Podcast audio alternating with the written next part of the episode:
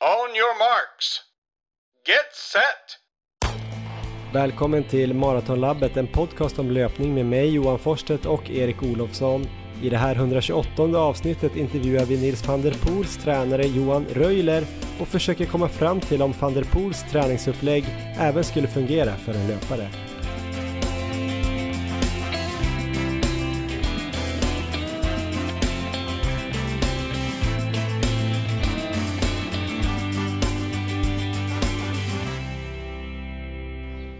Ja, då ska ni alltså vara varmt välkomna till ännu ett avsnitt av Maratonlabbet. Ett fullspäckat sådant. Kanske kan det bli eh, längdrekord. Vi får väl se. Det finns ju den här funktionen att man kan köra dubbel hastighet. Eh, använd den om det blir långsamt. Men jag tror det kommer bli väldigt intressant för idag har vi med oss eh, Nils van der Poels tränare de senaste åren, Johan Röjler.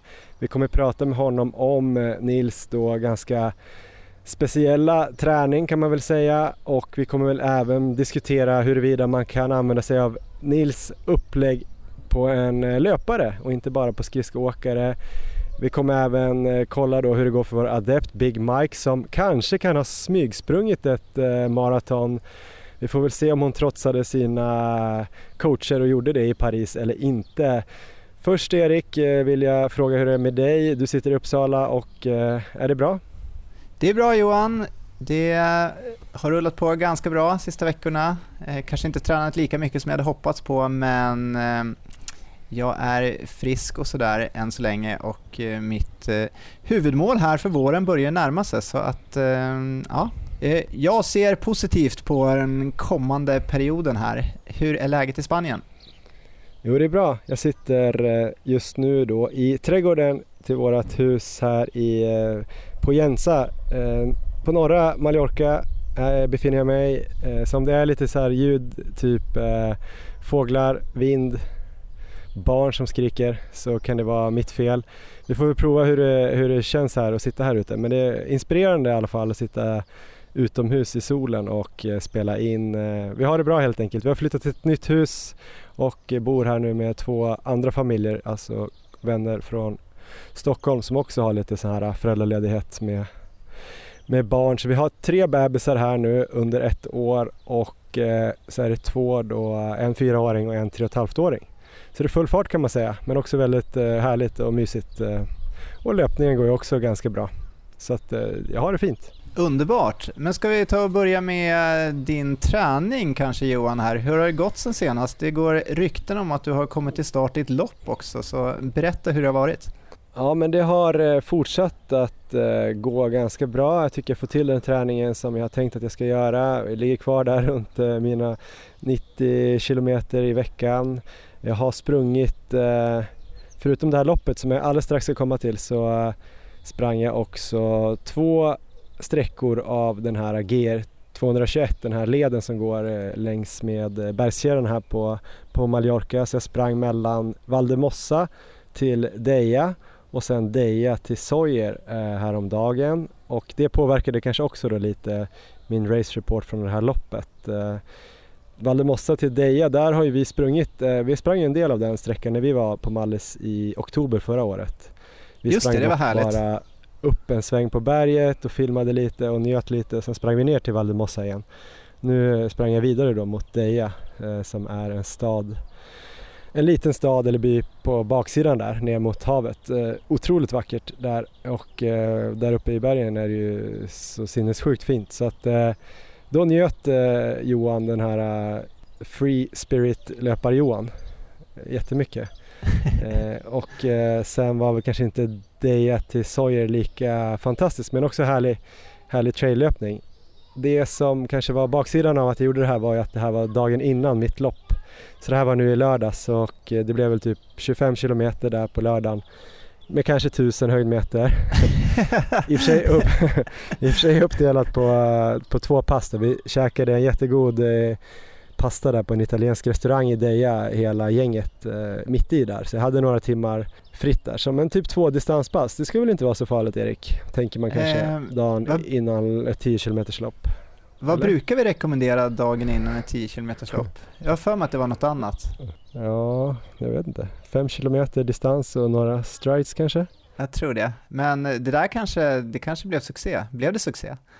Ja, jag kom till start i alla fall. Eh, det var väl nära på att jag inte gick upp på morgonen eh, när veckan ringde vid halv sju och hela huset låg och sov sutt faktiskt för en gångs skull. Det är ju lite svårt att alla sover samtidigt med de här tre bebisarna men jag gick i alla fall upp. Jag var jättenära på att bara lägga mig och sova igen. För jag kände väl att det är väl ingen som bryr, mig, bryr sig om jag kommer ner till det där loppet eller inte. Men jag tog mig upp och eh, när jag väl kom iväg då ner mot eh, idrottsplatserna för att hämta ut min eh, nummerlapp så, så var det ju faktiskt eh, ett bra val kände jag. Det var kul att få känna på den här loppstämningen. Det var ju första, det var säsongspremiär för mig i lopp eh, och eh, det är ju alltid härligt när man kommer ner och man känner att en ny dag gryr och folk håller på att sätta upp målfållan och testa musiken och ja, men vi håller på och pillar med prylar där på upploppsrakar som var inne på den här idrottsplatsen där jag också sprungit lite 400 Mina ben kändes ju inte kanske jättebra, inte lika bra som om jag bara hade sprungit 5 km dagen innan och gjort några strides. Jag var ganska tung i benen.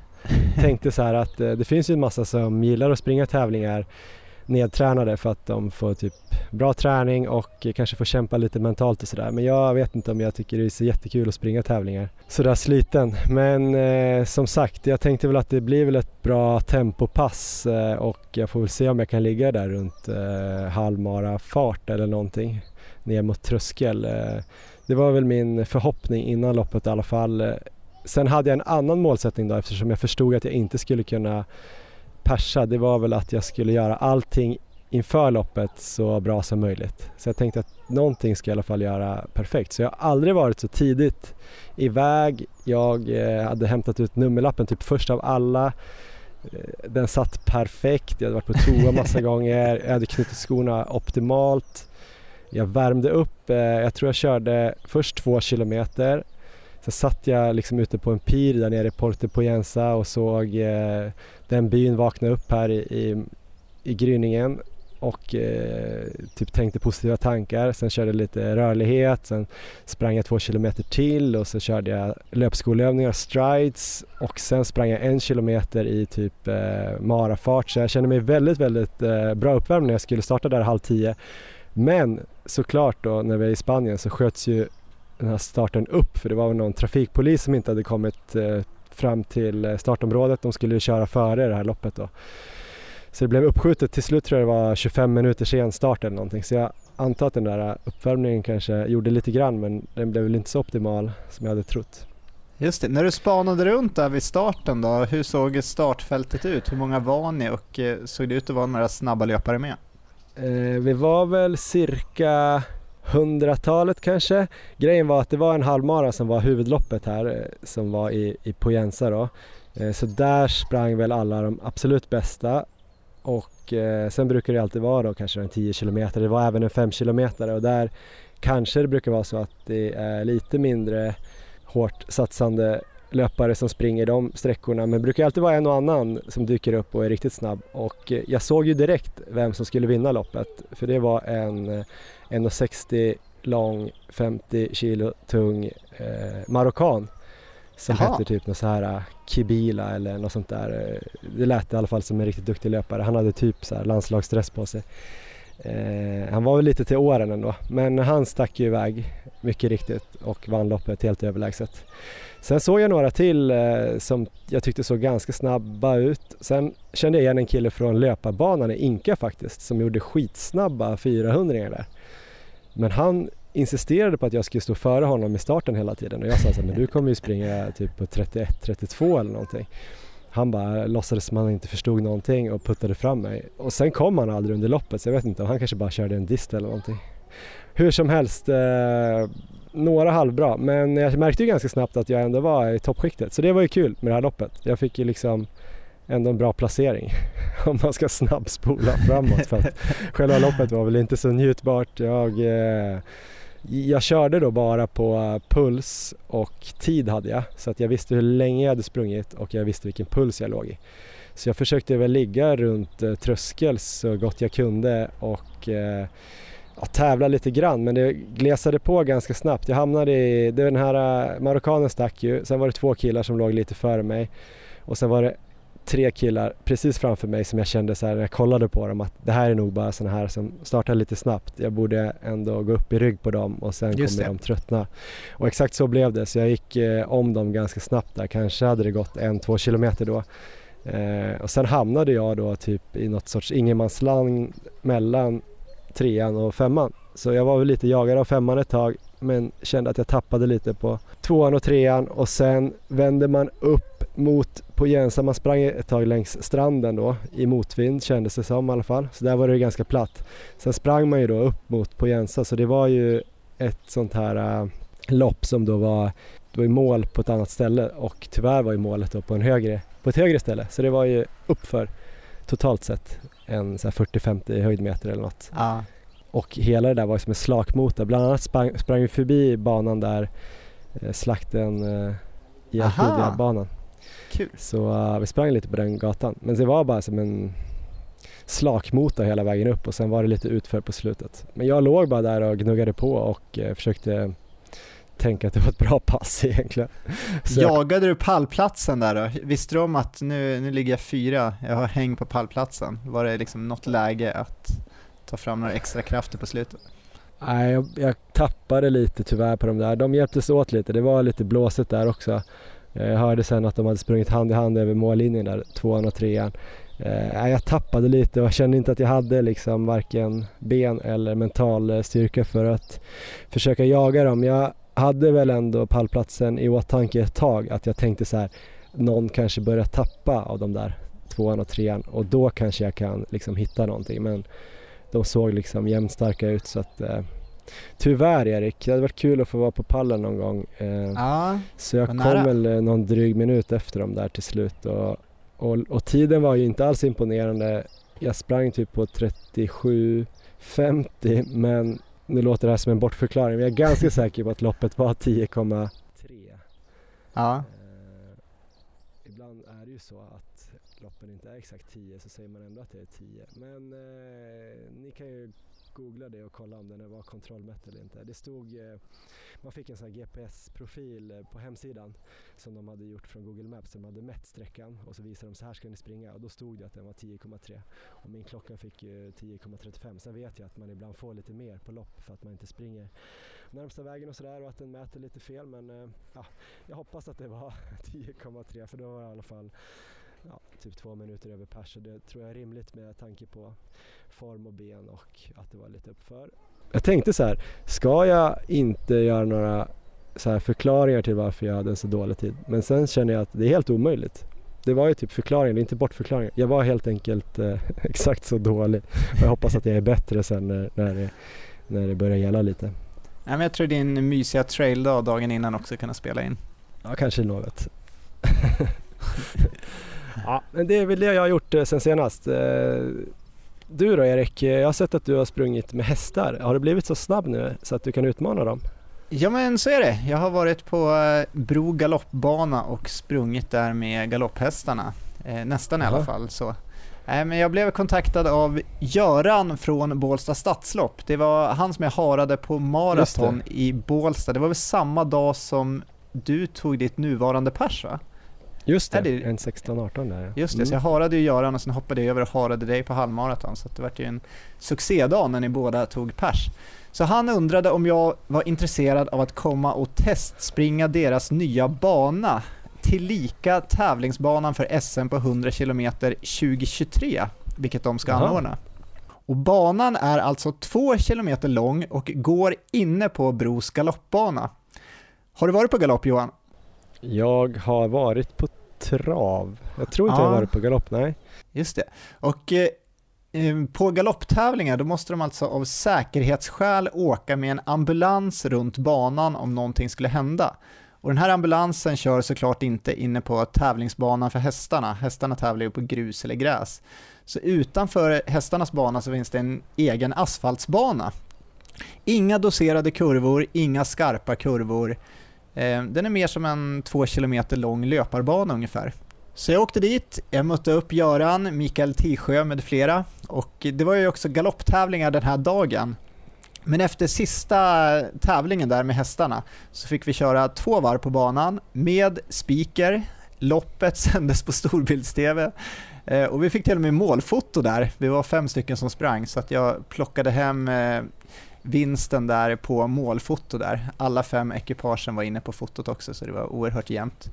Men, äh, men det var kul. Snabbare bana har jag svårt att hitta. Om man jämför med till exempel Anderstorp så är det ju inga doserade kurvor här, så det är ju ett stort plus. Det enda negativa som jag skulle kunna komma på är att om det är en väldigt blåsig dag så ligger banan rätt öppet. Så då okay. skulle det kunna liksom bli utsatt för det, men annars så är det ja, riktigt, riktigt spännande. Skulle det vara en bra eh, tävlingsarena även för lite halvmaror och maror och sådär om man blir ännu mer så här, eh, tidskåt eller vad man ska säga? Vi kanske ska ordna något lopp där. Kul, kul att du frågar för att eh, då kan jag tipsa här om att den 21 maj så kommer loppet som, heter Galoppet gå.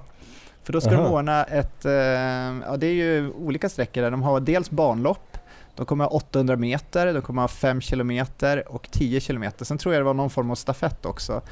Så att, vad tror du förresten 10 kilometers loppet heter? Miloppet? Nej, jag kan inte. Elitloppet. Ah, snyggt. Fyndigt. Mm. Så att eh, om, om du Johan eller no någon annan är intresserad här känner att där skulle jag vilja prova, då kan man gå in på mittlopp.se och sen kan man kolla där på 21 maj så eh, är det bara in och anmäla sig och komma och springa. Jag har ju dock en eh, ganska mycket viktigare tävling den dagen eh, i Göteborg som Precis. en av Europas största löpartävlingar va? I alla fall Sveriges största löpartävling. Göteborgsvarvet samma dag så att jag kommer nog tyvärr inte kunna springa där. Jag ska ju persa i Göteborg. Hur nu ja. det ska gå med den här gamla gubbkroppen.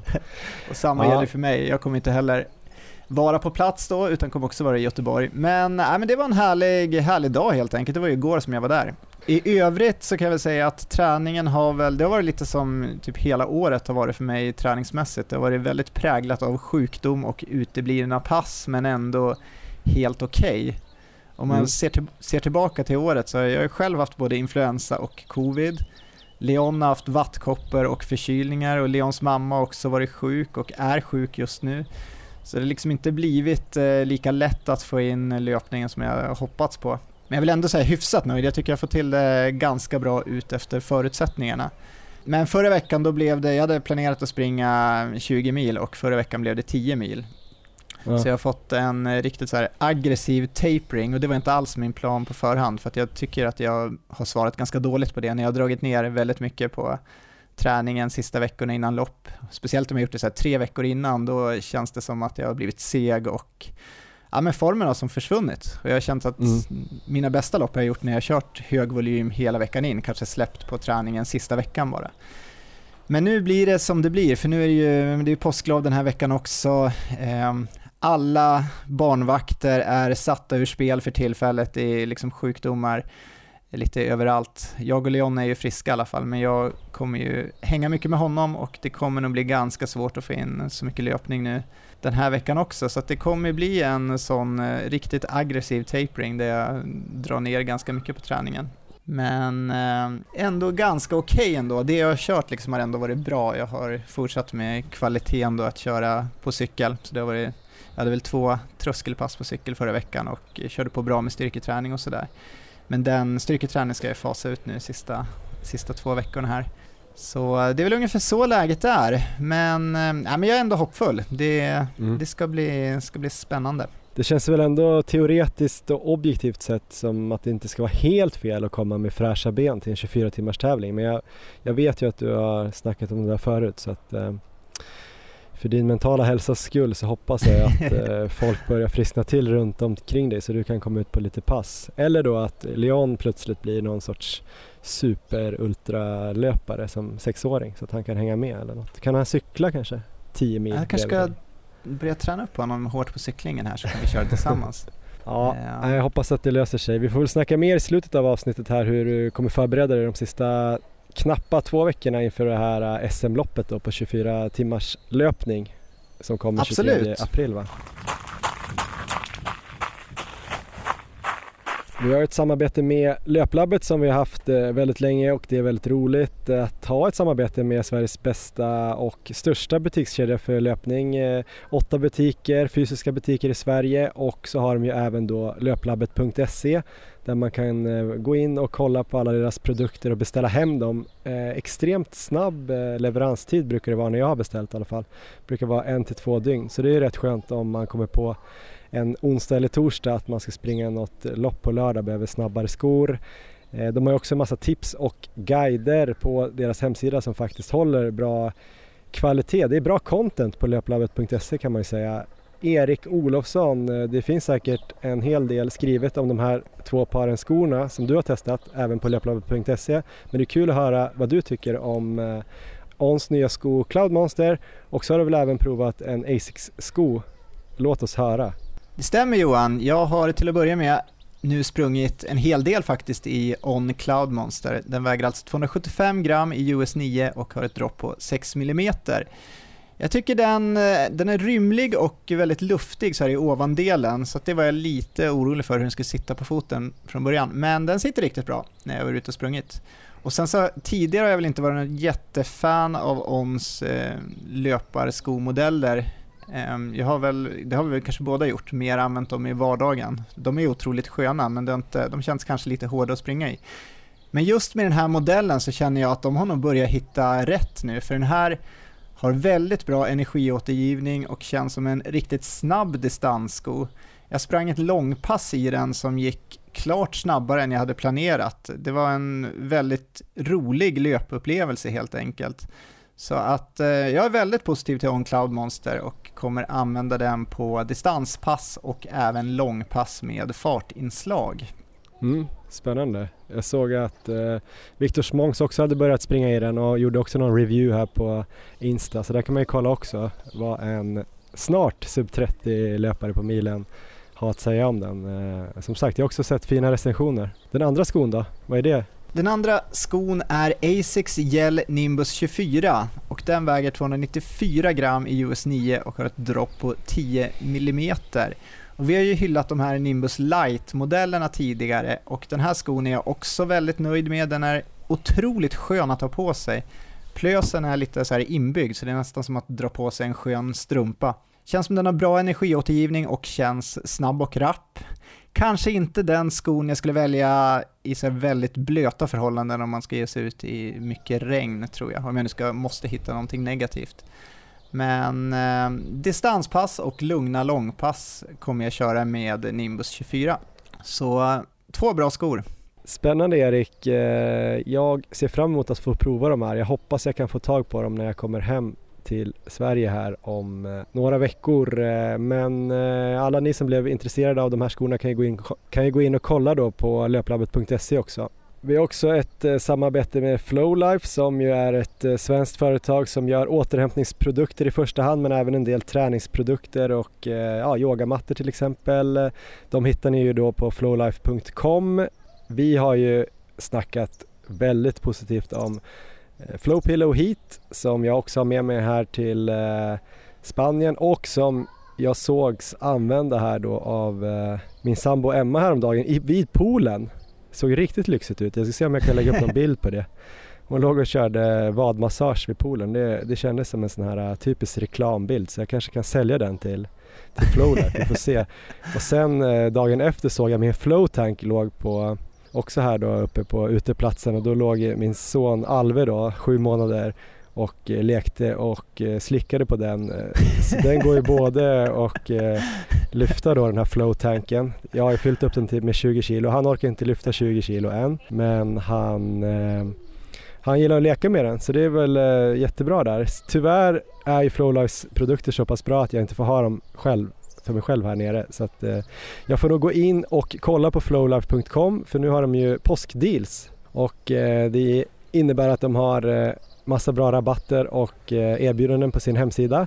Det finns ju också en rabattkod som heter då Maratonlabbet och den ger 20% på alla produkter på ordinarie pris samt 10% på alla rabatterade produkter. Så att eh, Känner man att man, eh, jag vet inte, man kanske är i behov av massage till exempel eh, lite då och då men kanske inte har tid eller pengar att gå till en massör vilket vi också rekommenderar att man kan göra ibland såklart och få Eh, någon som knådar benen och kan känna efter vart det är stelt och sådär, något, något proffs sådär. Men eh, både Flow Pillow och eh, Flowgun som vi också använder är ett superbra komplement och mycket enklare att hålla på med hemma då. Det kan man ju köra varje dag så då håller man ju benen i trim. Så gå in och kolla där och passa på nu när det är påskdeals och ni har den här koden Maratonlabbet så tack Flowlife! Ja men då har vi kommit till det här avsnittets intervju som är med Johan Röjler då succétränaren till succéskridskoåkaren Nils van der Poel. Eh, Nils van der Poel som ju har eh, slagit eh, två världsrekord, tagit två VM-guld, två OS-guld på 5 och 10 000 meter då handlar det här om. Han har ju tränat också väldigt, väldigt speciellt och annorlunda än alla andra skridskoåkare i världen. Eh, han släppte ju också ett eh, dokument direkt efter eh, sitt andra OS-guld här i Kina. Ett dokument där han beskriver sin träning då från 2019 fram till OS är det va, Erik? Ja men det stämmer. Och jag kan väl bara säga först att jag pratade lite med Johan Röjler i Kina under OS. Redan då visste man ju ungefär hur Nils tränade ändå med väldigt mycket alternativträning och, en stor aerob bas, vilket vi kommer in på snart. Men då pratade vi om om han trodde att det skulle funka för löpning också för det är väl ändå känslan är att många löpare springer väldigt mycket och inte håller på så mycket med alternativt. Och där börjar det lite grann och så har vi bokat en intervju som har liksom bokats om hit och dit. Han, Johan har ju en, eh, också en liten bebis som är 6-8 veckor bara. Men nu har vi äntligen fått till den här intervjun och varför är den här så spännande att lyssna på Erik, tror du? På förhand? Ja men det är väldigt mycket som är spännande men det som jag kanske har saknat i andra poddar, eh, för det har ju varit väldigt många som har haft genomgångar av det här dokumentet, både träningspoddar och specifika löparpoddar. Det är just den här kopplingen då till löpning och se hur man liksom skulle kunna använda det här eh, i löpning, om det ens är överförbart. Så att det var, har varit lite av våran utgångspunkt eh, när vi började intressera oss för det här. Men det är ju en otroligt intressant och väldigt genomtänkt filosofi, så vi kan väl till att börja med rekommendera alla att själva gå in på nätet och läsa den här howtoskate.se. Just det, där kan man ju ladda ner då hans träningsdokument eh, och eh, i den här intervjun som snart kommer då kommer vi inte prata i detalj med Johan om hur de har tränat utan mer då gå in på olika delar om varför de valde att göra vissa saker. Så vi tänkte att vi skulle, eller du Erik ska få äran att sammanfatta lite grann det här dokumentet så att alla som inte har varit inne och läst det eller som inte orkar gå in och läsa det ändå får förstå ungefär vad han har gjort och varför det är så speciellt och så. Precis, och vi ska ju fokusera här på hans träningsupplägg och försöka sammanfatta tankarna där. Det finns ju andra intressanta bitar också som eh, kosten är ju väldigt speciell och eh, eh, annorlunda i olika faser och sådär. Så det är en intressant aspekt. Förhållande till media och eh, liksom mer skridskospecifika delar finns ju, men vi fokuserar här på träningen. Och det första intressanta och eh, väldigt ovanliga är väl att han kör 5-2-systemet. Han tränade alltså fem dagar i veckan, måndag till fredag, och sen vilade han helt från träning lördag och söndag. På det sättet så beskriver han då att han kunde leva ett mer normalt liv träffa kompisar, hoppa fallskärm på helgen och så vidare. Så att eh, det var tanken med det. Och sen har vi periodiseringen. Han delade in sin träning i fyra perioder, men där vi för enkelhetens skull kan fokusera på de tre första perioderna som leder upp till tävling. Och då har vi först den aeroba perioden som innehöll 30 till 35 timmar lågintensiv träning Mest cykel, men han hade gärna kört mycket löpning här om det inte varit för en skada.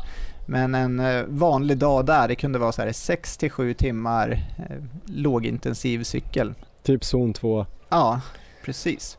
Sen därefter så startade tröskelperioden och den varade i ungefär 10 veckor.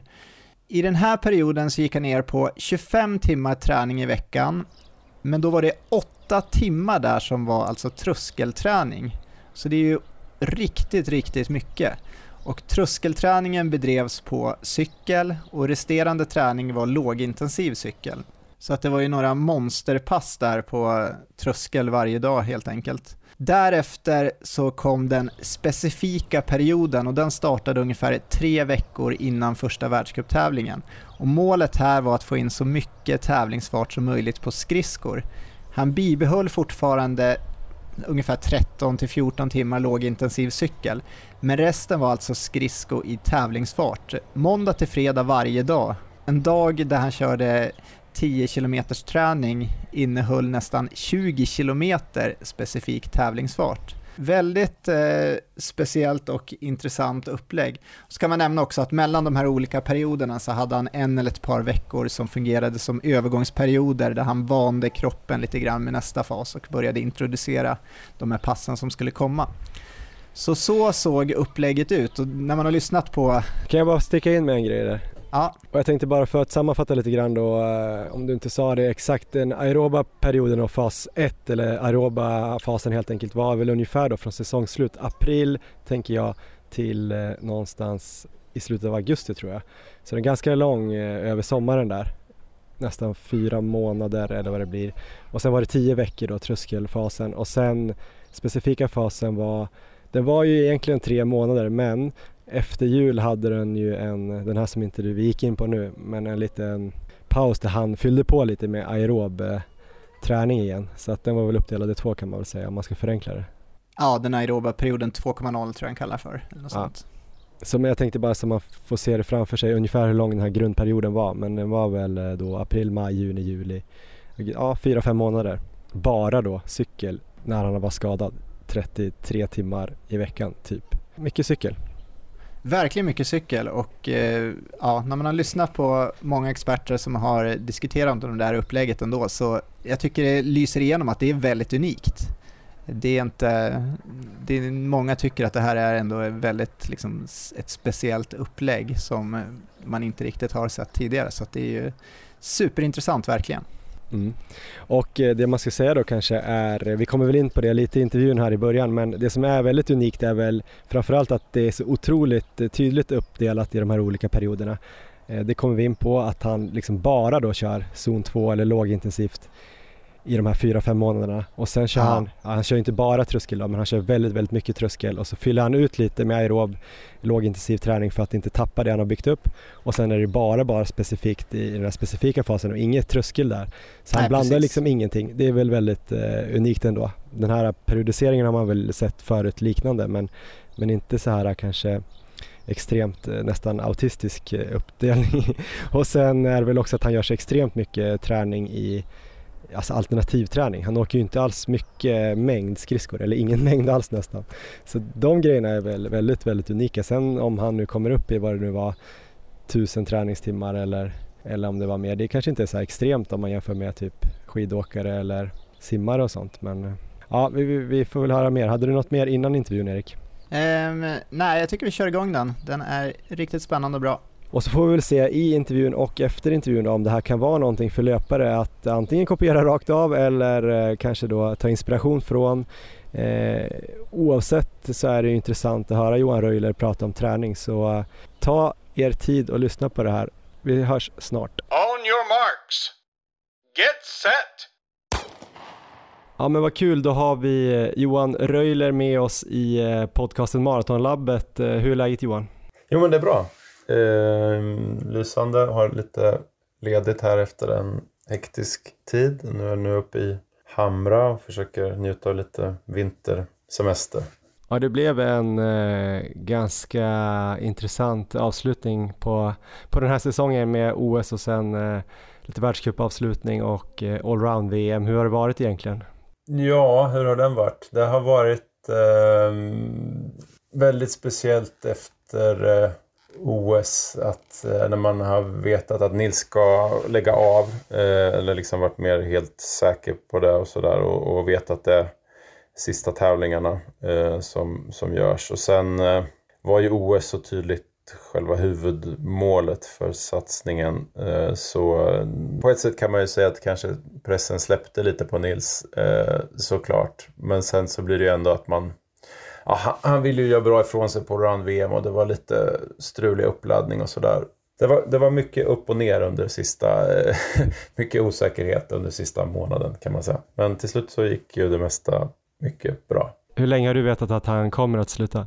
Jag har vetat att han, att han har sett den här satsningen som att den, den slutar efter den här säsongen och sen, eh, och sen får man se vad som händer. Sen tror jag väl kanske att han, man vet ju inte hur det hade sett ut om OS av olika skäl inte hade gått så bra som det gick eller ja, om det hade funnits andra motivationer för att fortsätta eller eh, vad som kan, skulle kunna ha hänt.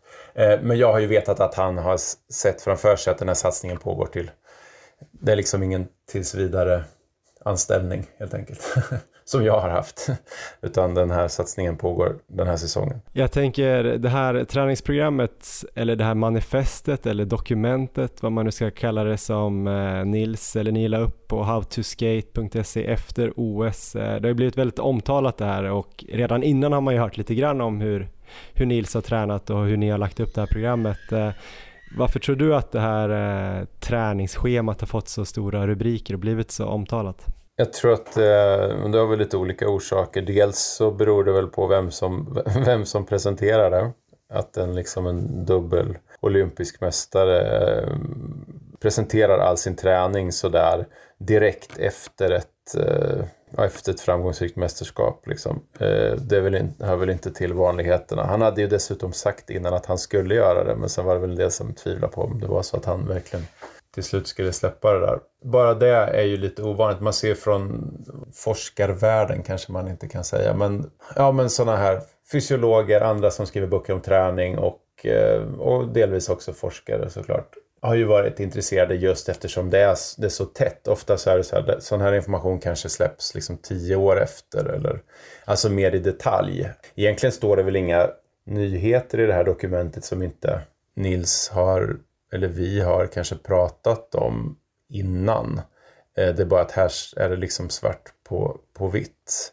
Om man jämför med detaljer om hur till exempel ja, Nils konkurrenter har tränat, framförallt de holländska konkurrenterna, så, så är ju det väldigt svårt att få, få någon bra bild av. Förutom där man kan se om man sätter någon och skuggar dem på isbanan så kan man ju se exakt vad de gör på isen möjligtvis. Men den övriga träningen är ju inte så lätt att, att se. Eh, och, det, och de kanske inte släpper det förrän liksom många, många år efteråt. Jag, det kom ju en sån här case study från den mest framgångsrika holländska tränaren som heter Jack Ori som är Patrik Rosts tränare. Nils största konkurrent som har varit sista åren. Eh, han var ju tränare redan när jag åkte och, och och släppte ju någon sån där case study med, med, med, lite mer detaljerad träningsdata från en utövare som vann OS-guld 2010. Eh, och, och, och, då var det lite data från hans sista liksom, fyra års träning eh, fram till det guldet på 1500 meter och, och, det tror jag inte släpptes. Det var tidigast 2015 som det släpptes och det är väldigt ofullständig information egentligen om vad de tränar ändå. Eh, så, att, eh, så här är ju liksom en guldgruva om man vill verkligen se hur, ja, hur, en, hur en olympisk mästare har för, förberett sig och man kan se det så pass så tätt inpå.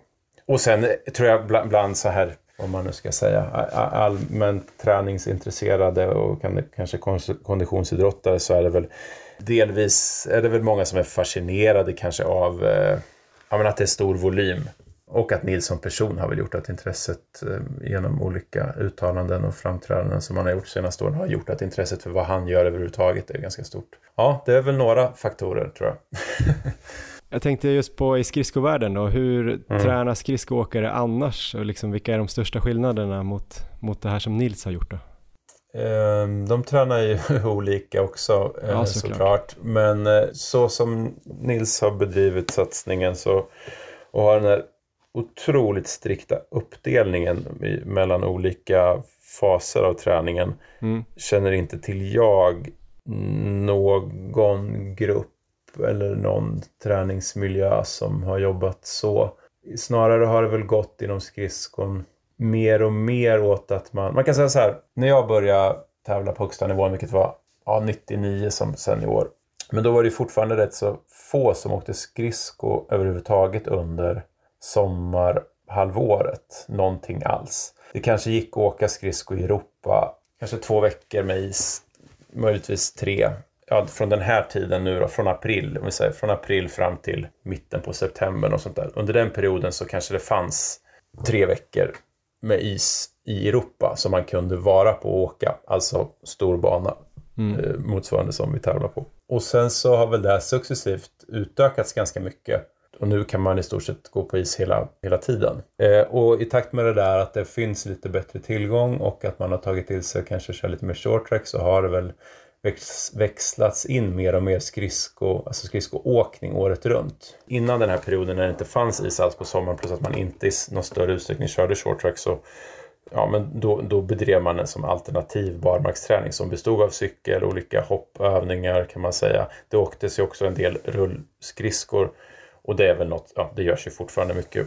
Och styrketräning såklart. Minst ett par eh, styrketräningspass i veckan med benfokus. Så egentligen så kan man väl säga att de flesta miljöer har ganska mycket olika komponenter i träningen. Men runt Nils så har vi väldigt tydligt strukturerat upp det. Så här, nu är det aerob basperioden eller vad vi ska kalla den för. Och då kör mm. vi bara det. I princip bara lägre intensitet och, och stor volym då i lite olika rörelseformer. Så det är väl en stor skillnad. Eh, och sen att man, vilket jag väl tror egentligen gäller kanske för i de flesta träningsmiljöer överhuvudtaget, att man blandar mycket mera. Alltså man blandar intensiteten mycket mer. I veckovis. Man, vill liksom, man har en basvecka och man vill få in de här olika liksom, lite av varje i den. Så det kan vara tung styrketräning. Det kan vara man kör någon tröskelintervall och sen är det något som är lite mer intens, kanske lite högre intensitet. Och sen, ja. Eh, jag vet inte riktigt vad det kan bero på. Det är väl, men det är väl en sak som har fascinerat många med Nils program, att det har varit så otroligt... Eh, på ett sätt är det väldigt monotont att bara fokusera på någon kvalitet sådär. Jag tror egentligen inte att... Alltså det är klart att Nils har upplevt det som monotont ibland, men jag tror egentligen inte att han har ju hittat liksom lite andra utmaningar med det och göra det kul på olika sätt. Eh, och förutom den här skadan som drabbade honom nu som strulade till det lite så har han ju kunnat hitta variation genom att använda lite olika träningsformer. Men det här med de här tydliga olika faserna då? På något mm. sätt har det ju funnits även tidigare att man kanske har den här aeroba basfasen. Absolut. Och, eh, och sen kanske man höja intensiteten lite mot kanske tröskel och sen en väldigt specifik period. Jag vet att jag har läst den här Gunder Hägge eh, boken mm.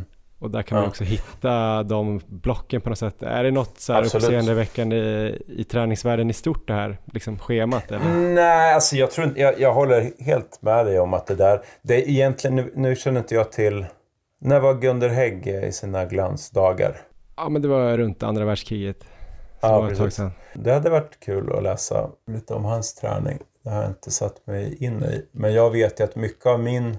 Är det det som har gjort att jag har känt att jag har kunnat stötta Nils i den här eh, träningsidén och, och, och, det som eh, har liksom varit en, en kunskapsbas för mig runt den här satsningen har ju varit eh, dels eh, eh så har jag läst tror jag, alla böcker som Phil Maffeton har gett ut, om du känner till han. Mm. Som också förespråkar mycket så här lågintensiv och ja, kanske, man kanske kan kalla det zon 2 ibland. Ja, han har ju sina MAF-tester och, och mm. också jobbar med en sån stor period liksom, eller vad man ska säga.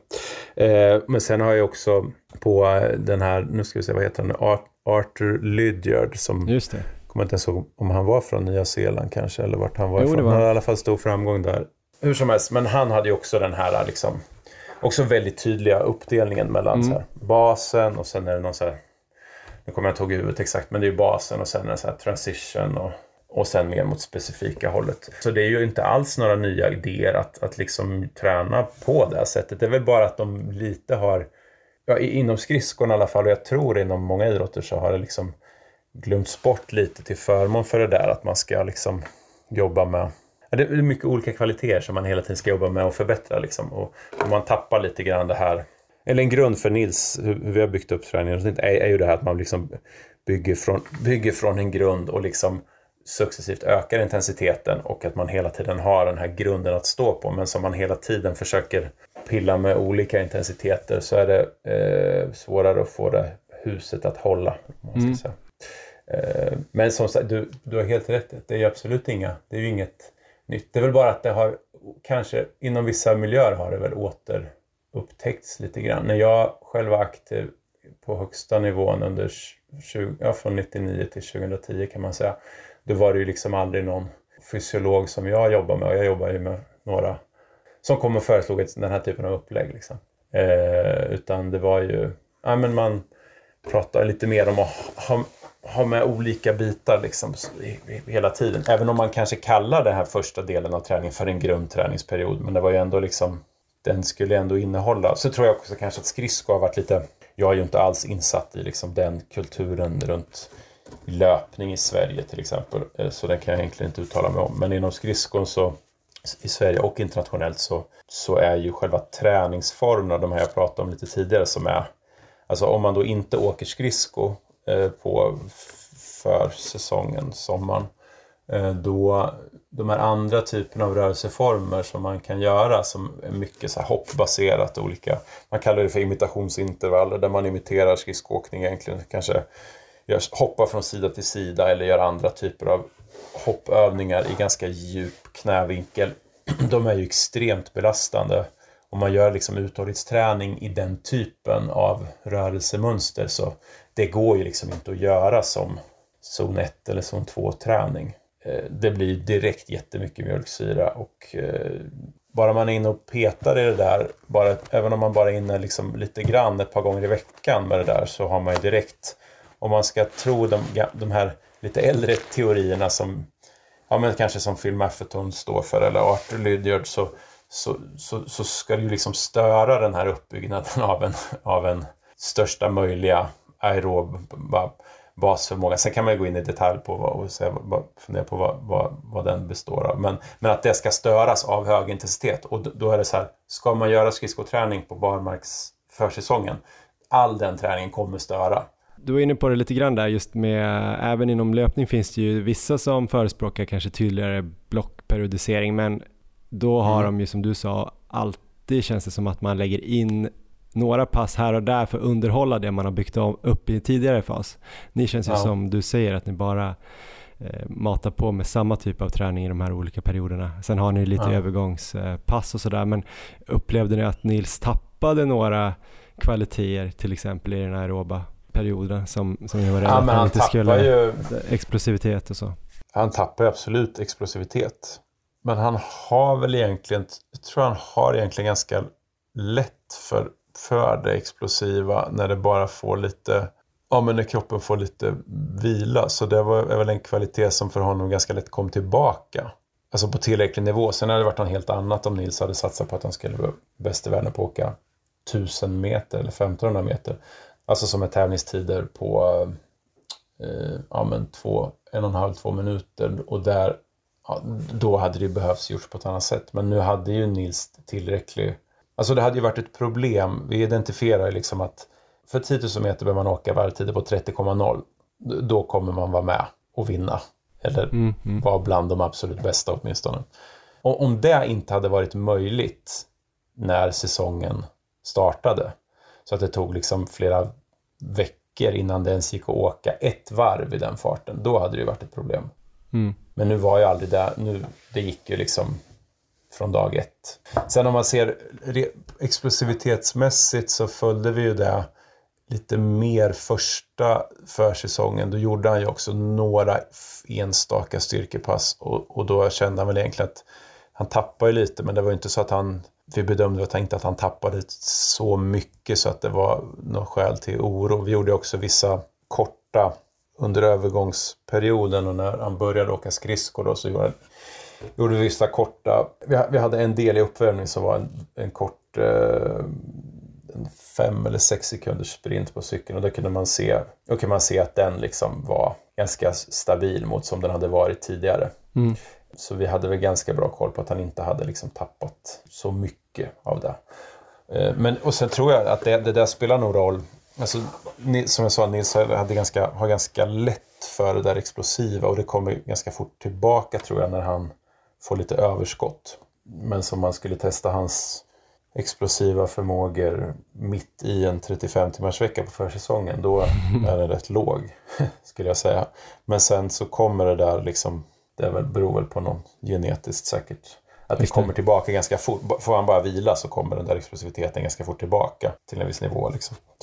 Ehm, det där var något som jag själv hade erfarenhet av. När jag tävla, efter min liksom, elitkarriär så har jag ju tävlat lite grann i Sverige under ja, de sista tio åren kan man säga, fram till 20, 2010 till 2020.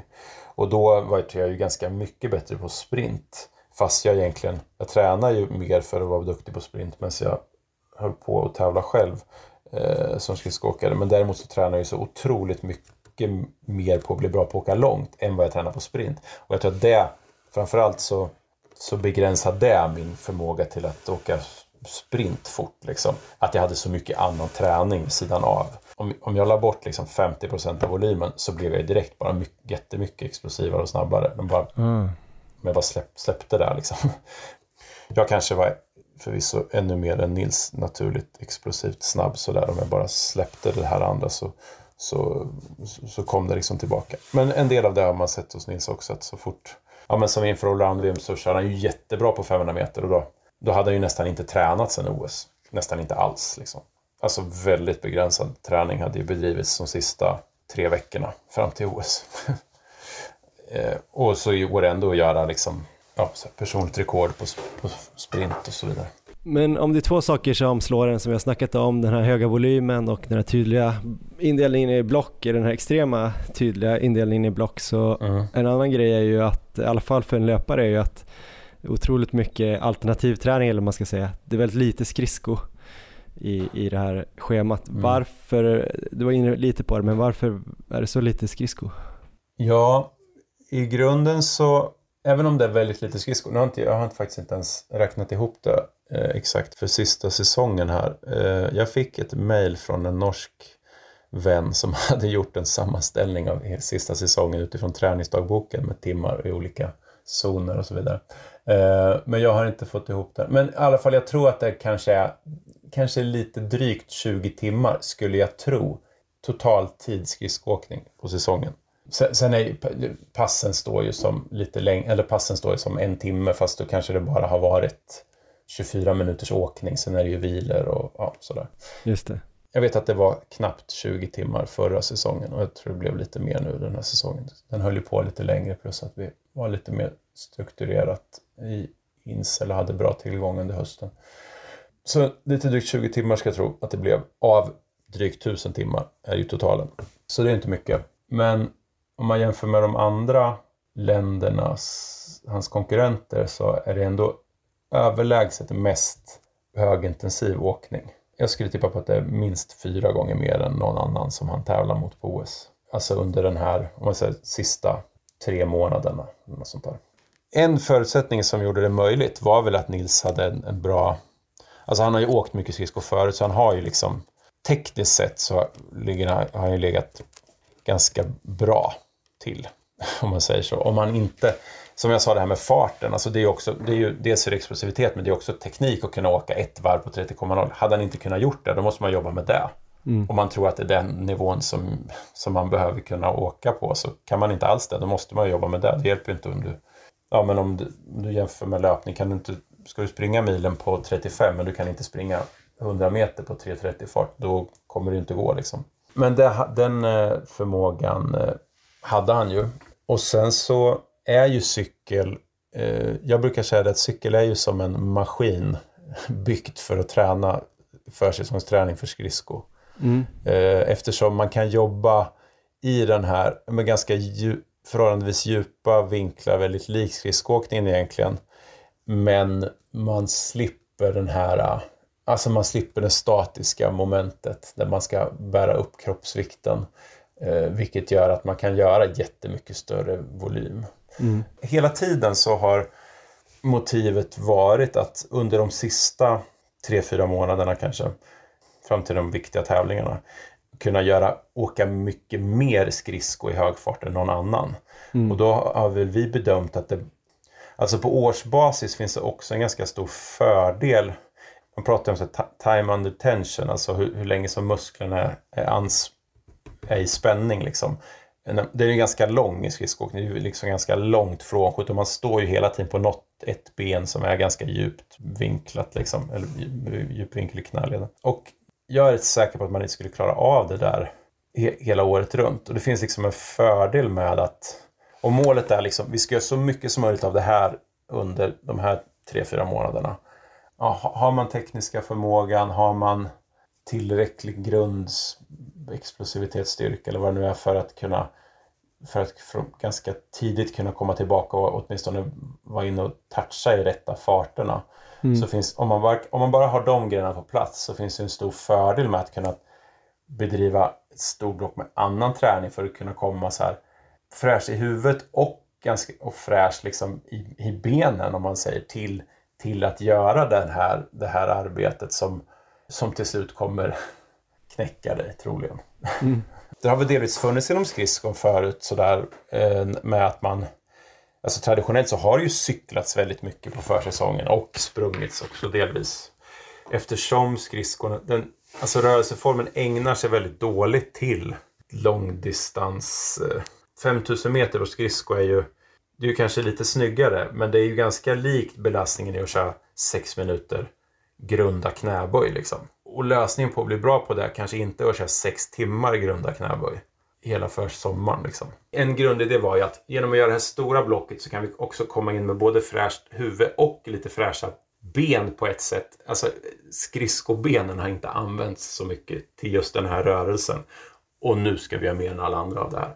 Mm. Och vi, ett sätt som vi har, det där har använts, och egentligen använts lite bättre av oss förra säsongen var väl att Använder ju den liksom teorin fast i lite mer mikroperspektiv genom att använda löpning förra säsongen en del mer under vintern. Eh, då när Nils kunde springa och inte hade den här skadan i höften. Och så skridskoåkning. Det var skridskoåkning för jobba i djupa vinklar och ja, mer time under tension och mer eh, högre explosivitet eller högre explosiva krav. Liksom. Medan eh, all aerob grund, alltså zon 1-träning bedrevs i löpning under förra vintern. Nu gick ju inte det i år. Det var jag orolig för inför den här säsongen, hur det skulle funka egentligen. Eh, men det visade sig funka ja. bra. De flesta skridsko, så traditionell skridskoträningsmetodik skulle folk säga att det är bättre att cykla för att det är mer likt skridsko. Fast du hör ju hur jag resonerar om det här så tänker vi att vi vill ha det långt ifrån skridsko. Det är bättre för då kan man, när man väl ska sätta ner de där sista månaderna med träning, så kan det finnas en fördel att man inte har, att man liksom inte har varit inne i det. Det är lite motsägelsefullt men eh, ja, så är väl livet kanske. jag fattar. Eh, fortsätta prata lite om Nils träning men jag tänkte direkt passa på där om man skulle på något sätt tänka som en löpare då som skulle vilja testa och göra mycket annan typ av träning. Mm. Om vi börjar med den aeroba perioden då, om man ska göra något liknande här som, som Nils har mm. tränat fast på löpning. Mm. Vad tänker du där då? För inom löpning känns det som att man vill väldigt gärna hitta någonting som är väldigt likt rörelsemönstret. Mm. Men tror du att till exempel cykling då skulle funka bra för en löpare i den här aeroba perioden? Eller, för många inom löpning tycker jag att man får inom citationstecken cykelben och, och blir sliten i låren mm. så man kan inte springa och sådär. Men det kanske är bra då? Jag tror det finns fördelar med att hitta andra rörelseformer än, än löpning för att göra, där man kan göra en större volym. Det tror mm. jag. Det gäller väl samma som för Nils där. Eller har man den grundtekniska förmågan så tror jag inte nödvändigtvis att det behöver vara en nackdel. Och, alltså att, att göra andra rörelseformer tror inte jag. Sen om det är cykel, jag, jag kan ju se liksom om det finns väl något, det finns väl ett problem kanske med cykel för löpning att man kan om man cyklar väldigt mycket kan man bli så här. Man måste vara försiktig med om man blir stel i höften säkert förstår jag. För det strecket är ju ganska viktigt att ha. Man inte får inte det påverka tekniken. Det, det spelar ju ingen roll för, för Nils till exempel. För skridskoåkningen är ju ändå i den här ihopkrypta positionen. Liksom. Mm. Eh, så det finns väl sådana grejer som man måste säkert vara observant på. Och såklart, det, där, det är väl en relevant fråga om man liksom Ja, men man får stora, stora ben liksom. Eh, ja, det kanske någon har, har fått. Men det finns ju också världens bästa cyklister som du ställer upp. Det kanske ser ut som att de har ben på tv men de har ju inga ben på riktigt. Nej. Alltså jag menar, det, det, du, du, kan ju, du kan ju... Jag är helt säker på att du kan cykla 30 timmar i veckan och inte ha stora lår. Mm. Ja, nej men det finns ju många. Men, men jag tror att det finns en fördel med att göra de här att blanda ändå lite rörelseformer.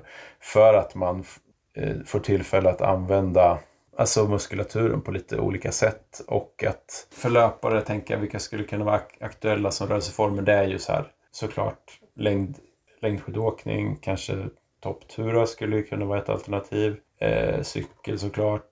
Rodd används väl ganska frekvent egentligen av löpare har jag sett ändå. Mm. Som rehab och vattenlöpning och sånt där används ju såklart. Eh, en viktig faktor för den här aerob basträningen är ju liksom antal repetitioner. Mm. Alltså antal muskelkontraktioner. Och det är lättare att få till med flera rörelseformer. Men eh, de står ju mot varandra, specificitetsprincipen och eh, det här hur, hur, hur bra överför det egentligen med annan träning. Men det finns ju intressanta, jag följer en amerikansk fysiolog som heter Alan Cousins som har skrivit, ja, han har någon blogg och skriver ganska mycket om, om träning olika, ur olika vinklar. Eh, men det finns ju bra artiklar och lite forskningssammanställningar som är gjorda på sån här specificitet och då kan man ju se att liksom Alltså om du förbättrar VO2 max på cykel mm. så överför det ju rätt bra till löpning. Det för ju, överför ju inte så här en milliliter bättre VO2 max på cykel blir en milliliter på löpning. Men det överför typ 0,8 eller någonting. Mm. Ja men längdskidåkning som ju det är ju inte så stort som löpning men det är ju ändå en, eh, en stor idrott och har känt för många har hö höga VO2-värden och så vidare. Mm. Även om det inte i sig kanske är något super, världens bästa mått på hur bra idrottare man är. Eh, men, men, de är i alla fall, vi kan kanske enas om att de är vältränade de bästa ja. åkarna helt enkelt. Och där är det ju också väldigt stor tradition av crosstraining. Nu har det ju ändrats lite sista åren när de stakar mer. Men förut så sprang de ju alltid mycket och en del cyklar ju mycket också.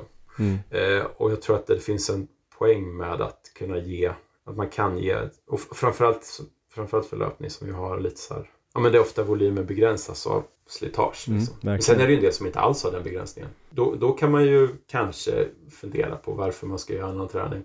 Men jag, som jag sa om hur vi byggde upp det runt Nils så kan det ju finnas en poäng med att ha jag vet inte om jag lyckas förklara det bra, men det här med att liksom komma in fräscht till ett ja, block när man ska göra det här. Liksom.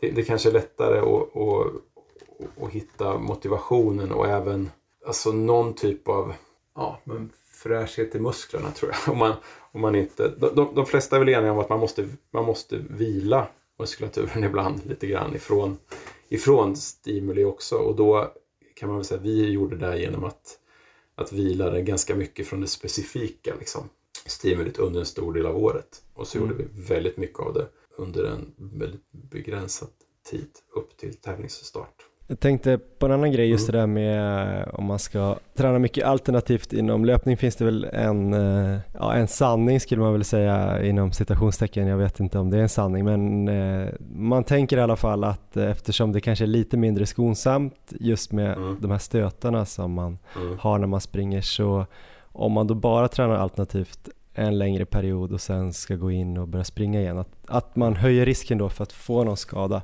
Tror du att det inom löpning skulle vara viktigt att liksom hålla, ha med löpningen hela tiden eller skulle man kunna bara köra alternativ träning en period? Jag tror att det, eller jag, jag vet själv att det ligger mycket i det där.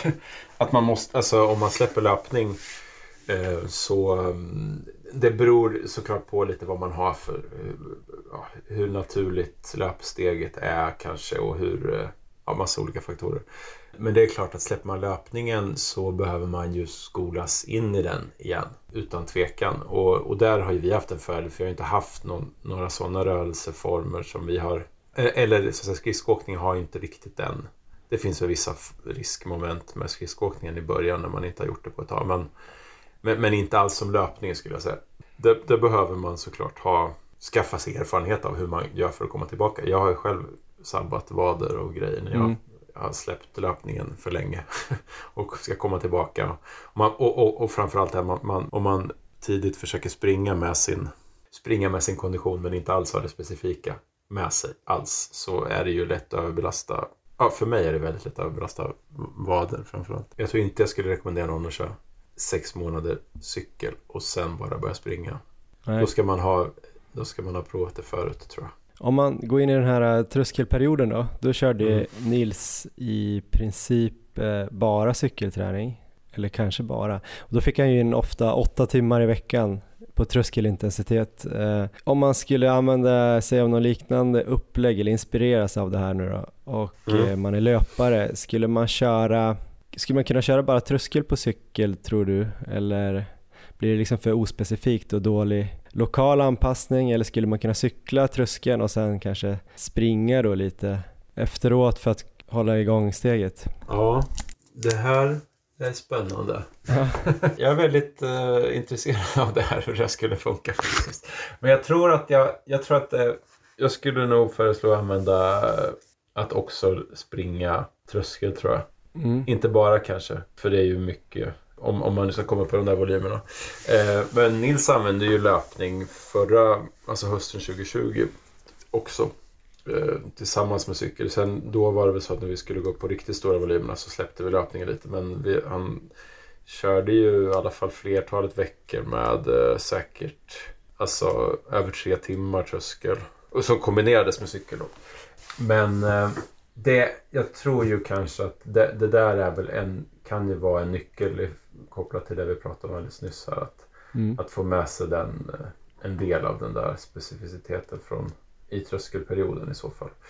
Generellt så tror jag det som vi pratade om förut att kan man använda andra löpningsform, träningsformer framförallt kanske fram till tröskelperioden för att få upp en större volym, alltså bygga delvis också bygga en bättre vad säger man på svenska nu då? Alltså metabol funktion liksom. Att kunna fysiologiskt klara av att göra sådana här liksom 30-35 timmars veckor till exempel. Om vi pratar om någon på högsta nivån till exempel. Mm. De flesta löpare tror jag inte klarar av det liksom i löpning. Det Nej. finns väl en del som gör det kanske. Men, men nu bytte vi spår här igen. Vad var frågan egentligen? Det var om du trodde man skulle behöva köra, kunde köra bara på cykel. Om jag skulle vara tränare för en löpare skulle jag nog eh, säga att jag rekommenderar att vi ska använda tröskellöpning och tröskelcykling. Det är väl en sak som vi har gjort bra med Nils. Att vi har, vi har mätt ganska mycket och, och eh, att man kan ge ett stimuli och att man kan följa och se att det ger en utveckling. Sen om det är två tröskelpass löpning och två tröskelpass cykel Eh, man, man, ska liksom följa det spåret som ger utveckling helt enkelt. Det, det, det är väl den, det, det, viktigaste. Och, och sen att man liksom in, försöker att inte försöker försäkra sig om att det inte ska leda till någon överträning eller utbrändhet. Det är väl den balansgången som är det svåra. Men där då, ni mätte ju puls och laktat bland annat. Eh, vilka signaler gjorde att ni la in sån här oplanerad vila som han skriver om i dokumentet? Vad ska man vara extra uppmärksam på? Vi hade ju väldigt eh, standardiserade upp, uppvärmningar mm. från, eh, från tröskelperioden framåt. Och, och, där finns det ju mycket att eh, bara man har standardiserad uppvärmning och, och tar med sig pulsen så kan man ju lära sig mycket, otroligt mycket av det. Mm. Jag säga. Ja, det känner väl alla till att pulsen, ja, den kan ju den, är ju, den kan ju variera en del liksom i, även på ja, vilopulsen varierar lite och så varierar den. Om man skulle göra för löpning då till exempel om man skulle köra ett löppass så skulle det kunna varit om man överför Nils uppvärmning så, så skulle en sån uppvärmning på löpning varit typ fem minuter eh, eller så här, en kilometer på sex minuter eh, stappra fram sakta. Mm. Mm. och sen eh, en kilometer på 5.00 kanske beroende på vad man, vad man har för. Eh, och sen ja, men kolla vad, vad, vad, är puls, vad är pulssvaret på den här belastningen idag. Och så jämför man det med tidigare dagar eller tidigare månader. Och då kan man se, ett tydligt tecken är liksom ofta, ofta ser man ju att det där pulssvaret när man börjar bli riktigt sliten så är ju det väldigt lågt. Att det är dåligt pulssvar. Man har svårt att driva. Det beror ju ofta på att man, eller det kan bero på olika grejer men en vanlig orsak är väl att man har alltså stark eh, vad säger man nu på svenska? Ja men fight and flight systemet, att det är helt nerkopplat för att man har tränat för mycket. Liksom. Att man har, alltså har för stark parasympatisk aktivering kan man ju säga. Eh, och, och, det gör liksom att egentligen det finns väl olika teorier för hur det justeras men man kan ju enkelt förklara det som att musklerna är slut av olika anledningar så tycker inte hjärnan att det är en bra idé att nu ska vi inte pressa på. Och då begränsar den liksom förmågan för dig att rekrytera tillräckligt med muskler. Eh, och då känns det ju ofta skitjobbigt också att göra. Mm. Om fem 4.30 brukar kännas lätt så känns 4.30 skitjobbigt fast du har ändå låg puls. Mm. Eh, det är ju liksom tydligt tecken på att ofta är det ju så här också att man känner ju ofta det mesta själv men det kan vara så att man kan, det kan vara en nytta att ha lite stöd av några data för att lättare kunna ta sådana här beslut liksom. Och det betyder ju inte att alltså, om pulsen så här, om pulsen normalt när du springer 4.30 fart då är eh, 157 i snitt mm. eller vad det är och sen så nu är den eh, 152 då betyder väl inte det nödvändigtvis att man ska blåsa av all träning.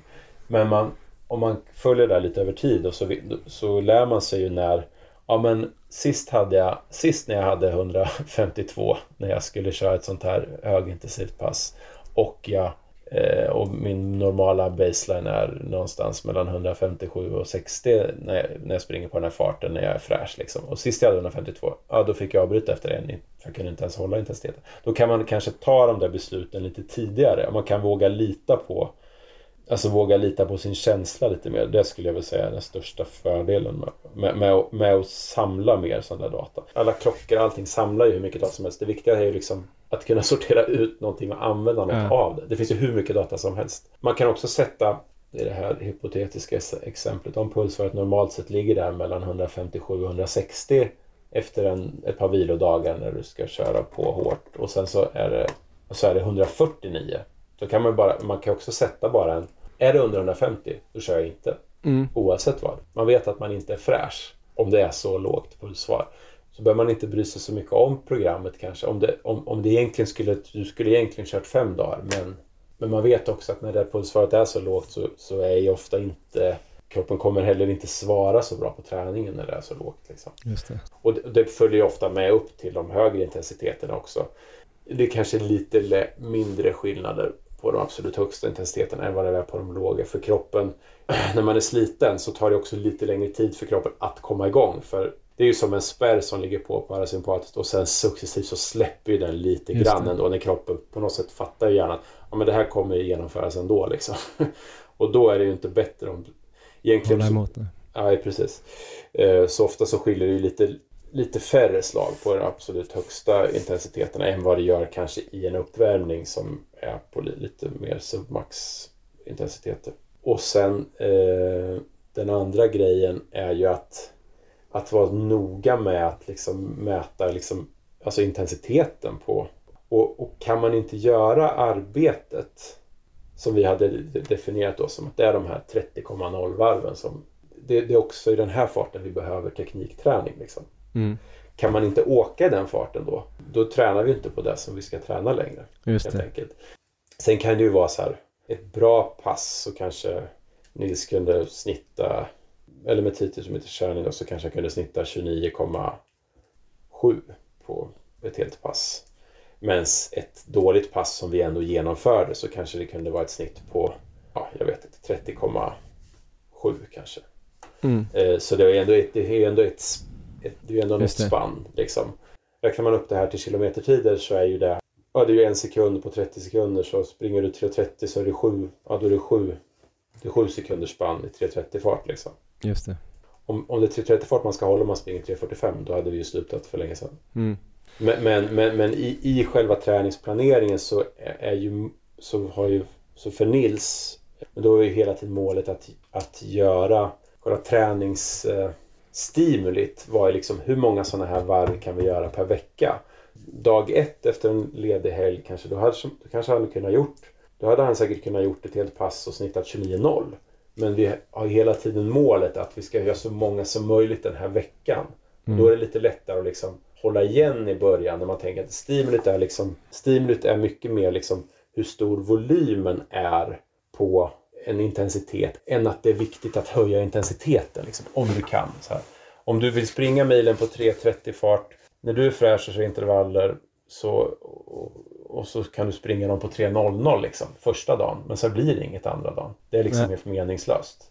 Det är bättre om kan du köra tre dagar i rad på 3.30 eller 3.25 och 3.32 liksom. Men en annan grej då, och kom in lite på den specifika perioden. Ni hade ju bara de här två passen egentligen. Ett 10 000 meters pass och ett 5 000 meters pass där ni körde ja. 10 000 meters passet oftare som jag förstår det. Mm. Um, vad var fördelarna och eventuellt nackdelarna med bara ha de här två passen? Eller varför valde ni det? det finns en jättestor fördel med att använda få pass. För att då datat som jag pratar om som är så viktigt Mm. som stöd till att ta beslut om Eh, när man ska fortsätta och när man ska stoppa och, och, och, och när man ska utvärdera om träningen går framåt eller inte. Man, man vill ju kunna säga så här.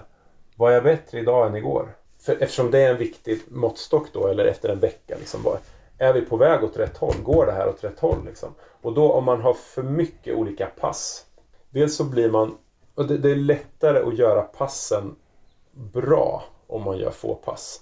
Man blir bra på att känna efter. Man vet hur det ska kännas när det är två intervaller kvar för att det här ska bli ett bra pass. Liksom. Mm. Så här trött ska jag... Då, när jag känner så här då brukar jag kunna... Ja men då kan jag avsluta starkt ändå vilket vi alltid ville kunna göra. Och man vet också hur det känns när det, när det inte går. Och gör man då ganska få, eller som vi använder bara två pass då.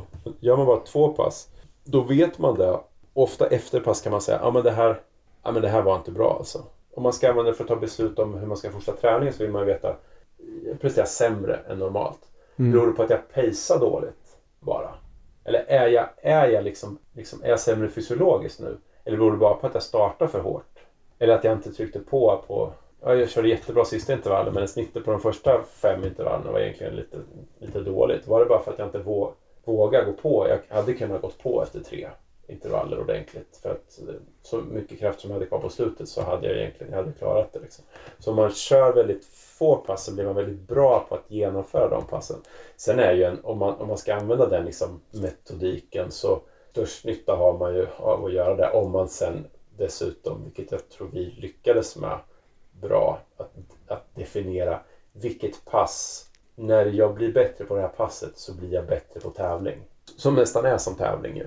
Alltså Mm. att de, de är, men sen, sen klarar man, om man då utifrån det jag sa förut så har ju vi haft som fokus att försöka alltså stimulera lite typ veckovis hur stor volym kan vi göra i den här farten och då en del tolkar ju typ hur Nils har tränat som att varje, varje träning blir en tävling. Så har ju aldrig vi riktigt sett på det. Träning var väldigt tävlingslikt. Man kanske kan säga att varje träning var en tävling. Men tävlingen, själva tävlingen, det var ju egentligen att kunna göra de här eh, 48 varven fem dagar i rad. Det är Just det. tävlingen. Tävlingen är inte slut efter det här passet. Liksom. Efter en måndag. Sista delen av tävlingen är på fredag av dag fem. Liksom. Så det, det är ju liksom en, en pace, en sån veckovis pacingen som är, som är jätteviktig. Liksom.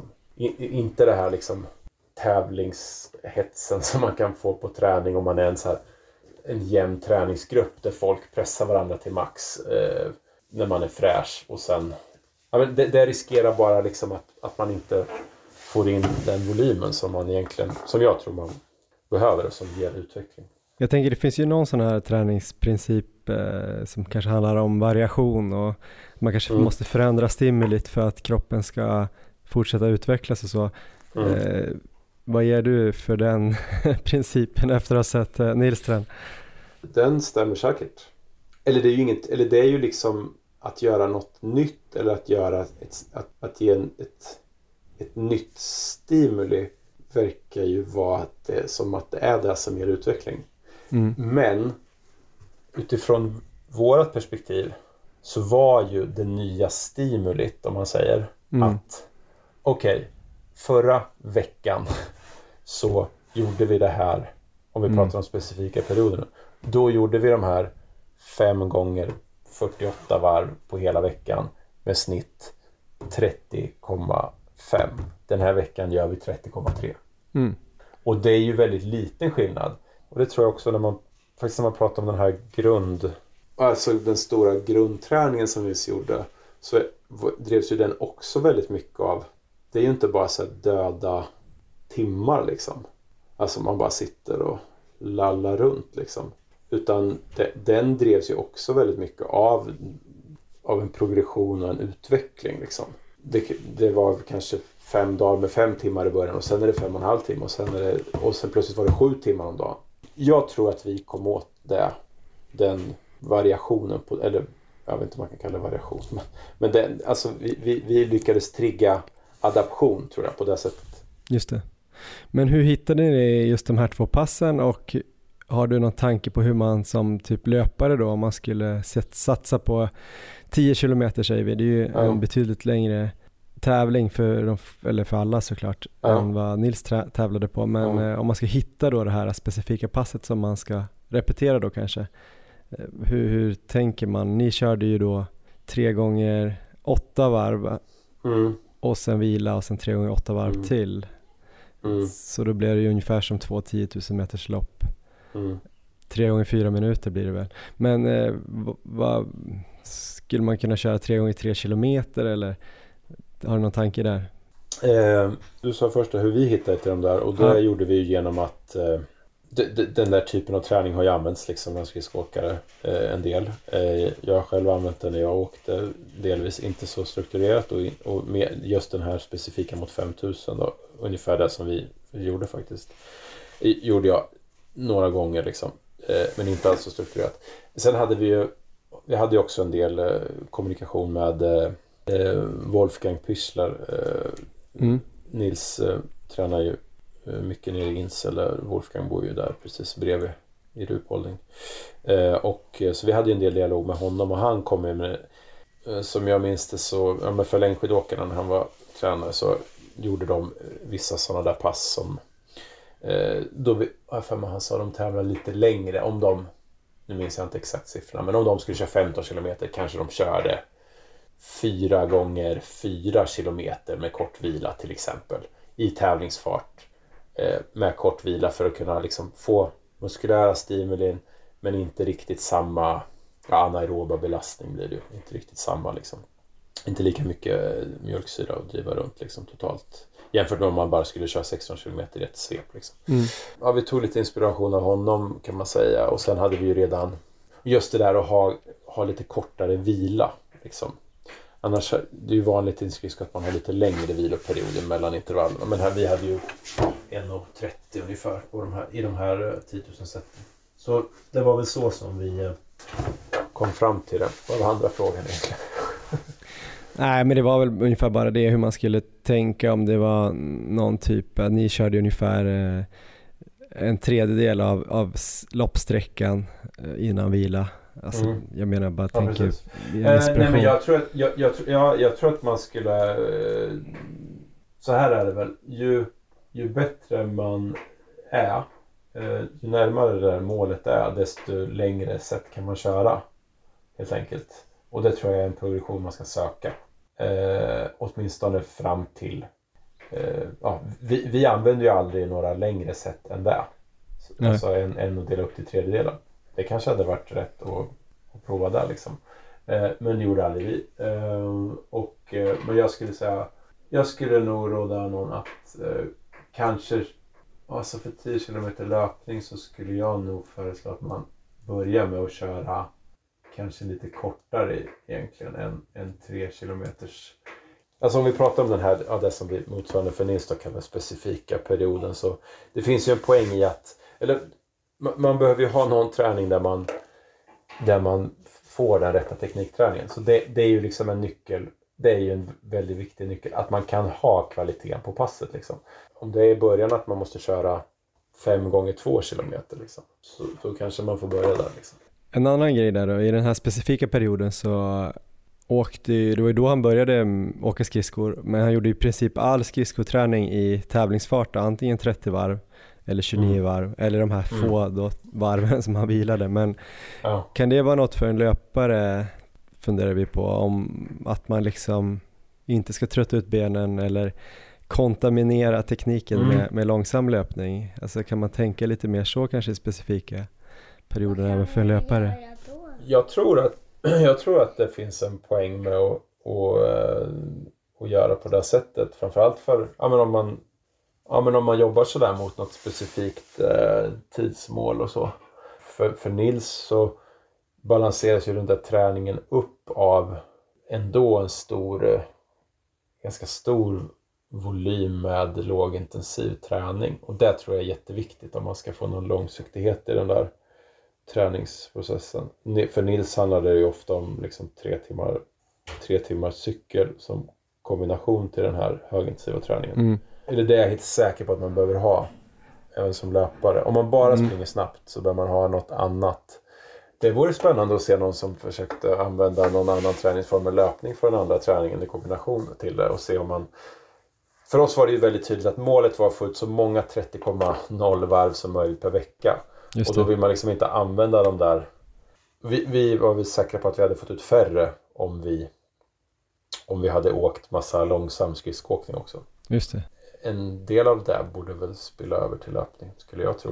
Mm. Men det bygger på det där att man måste våga ha då till exempel cykel som träningsform eller någon annan eh, lämplig träningsform. Och det bör ju vara ben, tänker jag i alla fall. Erik har ju skrivit ihop ett litet eget eh, träningsschema inspirerat av, av dig och Nils van der Poels schema här. Eh, kortfattat så har han ju då också delat upp det i tre faser då, aerobperiod, övergång, eller tröskelperiod och en specifik period. I den aeroba perioden har han, han har ju springer ju väldigt, väldigt mycket nu eftersom han kör ultralopp så han har ju varit uppe på de här mängderna kan jag väl tillägga innan. Men i den aeroba perioden då tänker han sig att han ska springa fem dagar i veckan, fem timmar, lågintensivt. Mm. Eh, tröskelperioden, eh, då vill han köra en timme tröskel på cykel då varje dag, Ja. måndag till fredag, plus kombinera då med tre timmar lågintensiv löpning på eftermiddagen. Så då blir det fem timmar tröskel och 15 timmar löpning och sen intro, eller in, i den specifika perioden då egentligen tre specifika pass, måndag, onsdag, fredag som är 10 gånger 1 kilometer i tävlingsfart och tisdag, torsdag då blir det två timmar lågintensiv löpning och även då de här äh, specifika dagarna så kör han lågintensiv löpning har han tänkt sig. Några saker kan jag räkna ut utifrån det vi har snackat om men vad känner du instinktivt när du ser det här programmet? Skulle det kunna funka för honom att och komma ner lite på milen det här, på det här sättet? Ehm, ja, alltså. eh, det här är svårt eh, att veta. Eh, jag vet inte riktigt vart han är nu. Förutom att han har sprungit mycket. Eh, eh, det förstår jag. Nej, men jag tycker det ser... Eh, det, jag, jag skulle ju... Jag tror att jag skulle förespråka eh, som jag sa förut att man använder lite tröskel... Eh, Löpning ja. löpning. Eh, och, och sen skulle jag ju också, om jag hade varit hans tränare, så skulle jag förespråkat att eh, jag, jag ska hitta någon annan rörelseform på, Den där aeroba perioden va? ja, kanske, nu vet jag inte, 25 timmar löpning. Ja, du, han hade varit uppe och kört 20 mil i veckan en del. Eh, 25 timmar lågintensiv löpning är ju mycket. Eh, Ja, det blir nästan mer 20 timmar. det är Eller mer än 20. han har gjort förut Ja. säkert. Eller något sånt där. Eh, Men jag skulle, alltså jag skulle hitta någon annan rörelseform också att kombinera med där. Med målet att, att kunna ha lite mera eh, ja, men man kan säga så byta ut en del löpning där mot eh, an, annan alternativ träningsform och sen och istället och sen lägga in lite mera eh, löpning i eh, tröskelperioden. Just istället. Men jag tror det är vettigt att kombinera där. Det är nog, det är nog tufft att köra allt. Sen det beror det, alltså sen, sen lågintensiv löpning kan ju vara väldigt mycket annat. Eller det, det kan ju vara lågintensiv löpning på asfalt, bergslöpning där man typ går upp för. Alltså det kan ju vara, Mm. det kan ju vara väldigt varierat också beroende på vad man... Men jag skulle, jag skulle nog råta honom till att försöka och kanske till och med uppa, om man hade tid, liksom toppa upp volymen vissa veckor ännu mer på grund. Alltså ha en lite variation där, liksom att vissa veckor kan det vara ännu mer liksom. Eh, framförallt om man då får till något som är inte är, som är lite kanske skonsammare löpning då, till exempel cykel eller något annat. Ja men stort tack Johan. Det blev ett långt samtal. Ja, vi Eh, får, ni får höra av er hur det går här. ja det ska vi Om absolut göra. vågar. Ja, då, det gör vi. Eh, Stort tack att du tog dig tid från eh, skidorten där. Ja, inga problem. Det var kul. Tack så mycket.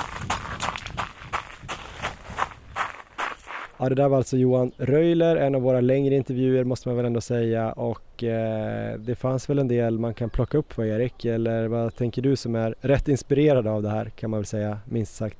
Hur mycket som helst finns det att ta tag i här och vi kan ju börja med att jag har ju full förståelse att eh, Nils lägger av här efter OS. Det, ju, det, känns ju helt orimligt att fortsätta hålla på med det här år efter år. Däremot så eh, jag tror jag att han kommer komma tillbaka till nästa OS så att det känns som en kanske en tvåårs paus här och sen ladda batterierna rejält, kanske håller på med lite andra grejer och sen så rakt in i det här mm. upplägget igen. Det tror jag, ja det har väl lite låtit på honom också som det är i intervjuerna så det, det är nog troligt att vi inte har sett det sista av Nils van der Poel. Ja, det blir spännande att se vad som händer framöver men det blir också spännande att se vad du kommer plocka upp av det här Erik. Vi har ju pratat lite, eller du har ju pratat lite grann de senaste avsnitten om att eh, du är lite sugen på att göra en, eh, en satsning på ett eh, löpanpassat eh, Nils van der Poel-program. Vad känner du efter det här? Är du fortfarande taggad? Ja, men det var jag var väldigt spänd på att få höra den intervjun just för att se om eh, Johan skulle liksom döma ut det här totalt och jag skulle börja få eh, kanske ge upp de här tankarna. Jag har funderat mycket senaste tiden här, blivit väldigt inspirerad av eh, van der Poel och hela upplägget. Jag har ju läst det här dokumentet eh, flera gånger och eh, man önskar ju att det fanns liksom någon riktig elitlöpare som bara ville hoppa på och köra, men jag tror det kanske är svårt att hitta någon som är beredd att göra det. blir lite gambling om man liksom är uppe på en riktigt hög nivå och testar det här. Ehm, för att det är ju ingen som riktigt har gjort det. Nej men precis, eh, vi har väl hört eh, några löpare som har kört ganska mycket alternativträning men då har det ju nästan alltid varit för att de inte har kunnat springa så mycket som de har velat. Till exempel då Jonas Glans i förra avsnittet som körde mycket cykel och sån här assault bike. Sen är det många tycker jag som vi har intervjuat genom årens lopp som inte tycker att Eh, eller man ska köra specifikt sin, sin träningsform sådär. Sen har vi alltid tänkt så här, men triatleter till exempel är ju ofta jätteduktiga på och att springa på kanske bara 5-6 mil i veckan kan de ju göra 30 på milen och i riktigt snabba maror och sånt där så det kan ju inte vara helt orimligt att det skulle funka att köra någon annan träningsform sådär. Um, så att uh, vi får väl se nu. Erik Olofsson, du kanske kommer göra 2.05 på maran snart när du har kört det här. Du kanske blir den första som gör det här fullt ut. Som Johan var inne på också, skidåkare har ju alltid sprungit och cyklat och sådär. Sen är det ju det här kanske då med stötarna som många kommer tillbaka till då att löpning är väl lite speciellt att det är ändå ganska slitsamt och har man inte då sprungit och sen ska börja springa riktigt hårt så tänker väl alla att man ska gå sönder snabbt. Så det är väl där som jag tror att alla skulle säga att det inte kommer funka för en löpare. Men ja. Eh, vi får väl se, vad tror du? Ja, men det, det är där problematiken kommer in, men jag tror man kanske kan göra det på ett ganska smart sätt ändå för att åtminstone minska de riskerna och de här övergångsperioderna kommer ju bli väldigt eh, viktiga där att man börjar introducera löpning då när det ska gå i snabbare farter så att under de övergångsperioderna kanske lägga in 200 och 400 i tävlingsfart så att man ändå har provat på att springa det. Men jag funderar mycket på hur jag skulle kunna göra det här upplägget i alla fall och eh, som ni var inne där på intervjun så har jag ju skickat över ett eh, preliminärt program som du och mm. eh, Johan fick kolla på där. Och jag är väl inne på att jag kommer faktiskt köra på det här. Så planen är att jag ska dra igång i oktober med en 10 veckors aerob-period. Och jag känner ju att jag kommer dit med en bra grund nu efter hela den här ultrasatsningen. Det känns lite som att jag har förberett mig i drygt ett år för det här redan. Ehm, så att kroppen är ju, jag känner att jag är van att springa väldigt hög volym. Planen är då mm, under den här 10 veckors aeroba perioden som ska pågå från oktober till eh, december att jag då ska köra 5-2 systemet som Nils här har tagit fram. Så måndag till fredag kommer jag köra 5 timmar lågintensivt om dagen och innan intervjun så tänkte jag ju att eh, jag springer för att det, det låter liksom, jag tycker det låter som det roligaste. Jag har inte kört några så här långa cykelpass tidigare och så. Eh, Johan är inne lite på att jag kanske ska lägga in lite cykel där under den perioden också. Eh, så det kanske jag ska fundera på, men jag känner ändå att eh, jag har fem timmar max som jag kan få in, det är liksom det jag, den möjligheten jag har. Mer än så skulle inte fungera rent praktiskt. Så att fungerar det med löpning där vilket jag tror att jag faktiskt kanske kan göra om jag håller ner farten där och bara springer lågintensivt. Och det känns ju absolut för mig mest eh, inspirerande och roligt att göra det på det sättet. Så eh, just nu så är planen i alla fall att då springa fem timmar lågintensivt om dagen så att jag får väl lämna Leon på förskolan i princip, ge mig ut och springa eh, tills det är dags för hämtning igen. Och det är väl så veckorna kommer se ut. Men jag känner ändå att jag, jag har möjligheten att göra det eh, och det känns, det känns ändå spännande. Och mm. sen mm. hela det här årsupplägget kommer fungera ganska bra känner jag också för att sen kommer en övergångsperiod i december. Där kommer jag också kunna slänga in ett ultralopp. Jag kommer nog kanske springa 100 km eller 24 timmar där i början på december och det är också en viktig del av Nils hela filosofi att man lägger in lite roliga utmaningar på vägen under den där perioden så att man ändå har någonting att se fram emot och någonting att inspireras och träna emot. Så där kommer det komma, om det kanske kommer ett 24 timmars lopp i början av december. Sen kommer en övergångsperiod där jag ska liksom komma in i den här tröskelperioden och där kommer väl den största skillnaden mot allt jag har gjort i träningsväg tidigare. För sen ska vi alltså in och köra måndag till fredag tröskelträning och min plan var ju att köra all den träningen på cykel. Inte kanske mm. riktigt lika mycket som Nils har gjort då, för att det är ju otroliga mängder han har varit uppe i vår. Men om han då har kört åtta timmar i veckan kanske det jag tänkte att knappt fem timmar skulle kunna vara möjligt om jag körde det på cykel. Skulle man köra på löpning skulle man ju inte kunna komma i närheten av de nivåerna. Men vad tycker du här då Johan, om vi går in i den här tröskelperioden, hur ska jag fördela tröskelträningen där, cykel gentemot löpning? Jag är inne på att du ska köra ungefär 50-50 eh, eller kanske till och med 60-40 löpning. Okay. Men, eh, eller 60-40 cykel, det beror lite på vad du känner för. Men jag tror ändå att du ska ha minst två timmar tröskel i löpning. Det tror jag på. Sen då, om jag hade fått bestämma även i den här aeroba perioden så skulle jag väl också sett att du hade några dagar med annan typ av träning. Speciellt efter att ha lyssnat på Johan då. Men jag fattar ja. ju att man måste ju om man är motionär eller vad man ska säga. Vi lever ju inte på löpningen på det sättet som Nils kanske gjorde ändå med sponsorer och SOK-bidrag och sånt där. Att man får väl ändå göra det som man tycker känns roligt. Men om du kan börja åka lite skidor och cykla i den där aerobperioden ja. vore det också fint och sen lägga in jo, lite mer, mer löpning. Men äh, ja, jag vet inte, det är svårt att säga. Men äh, säg att du kör äh, tisdag, torsdag tröskellöpning och måndag, onsdag, fredag på cykel kanske, eller tvärtom? Det tycker jag låter helt perfekt nästan, så att det tror jag kan bli upplägget. Precis så har jag funderat att måndag, onsdag, fredag cykel och tisdag, torsdag då tröskel och sen så bibehålla med lågintensiv löpning där också på eftermiddagen. Och det är ju tio veckor när det är som kallast, mörkast och jävligast.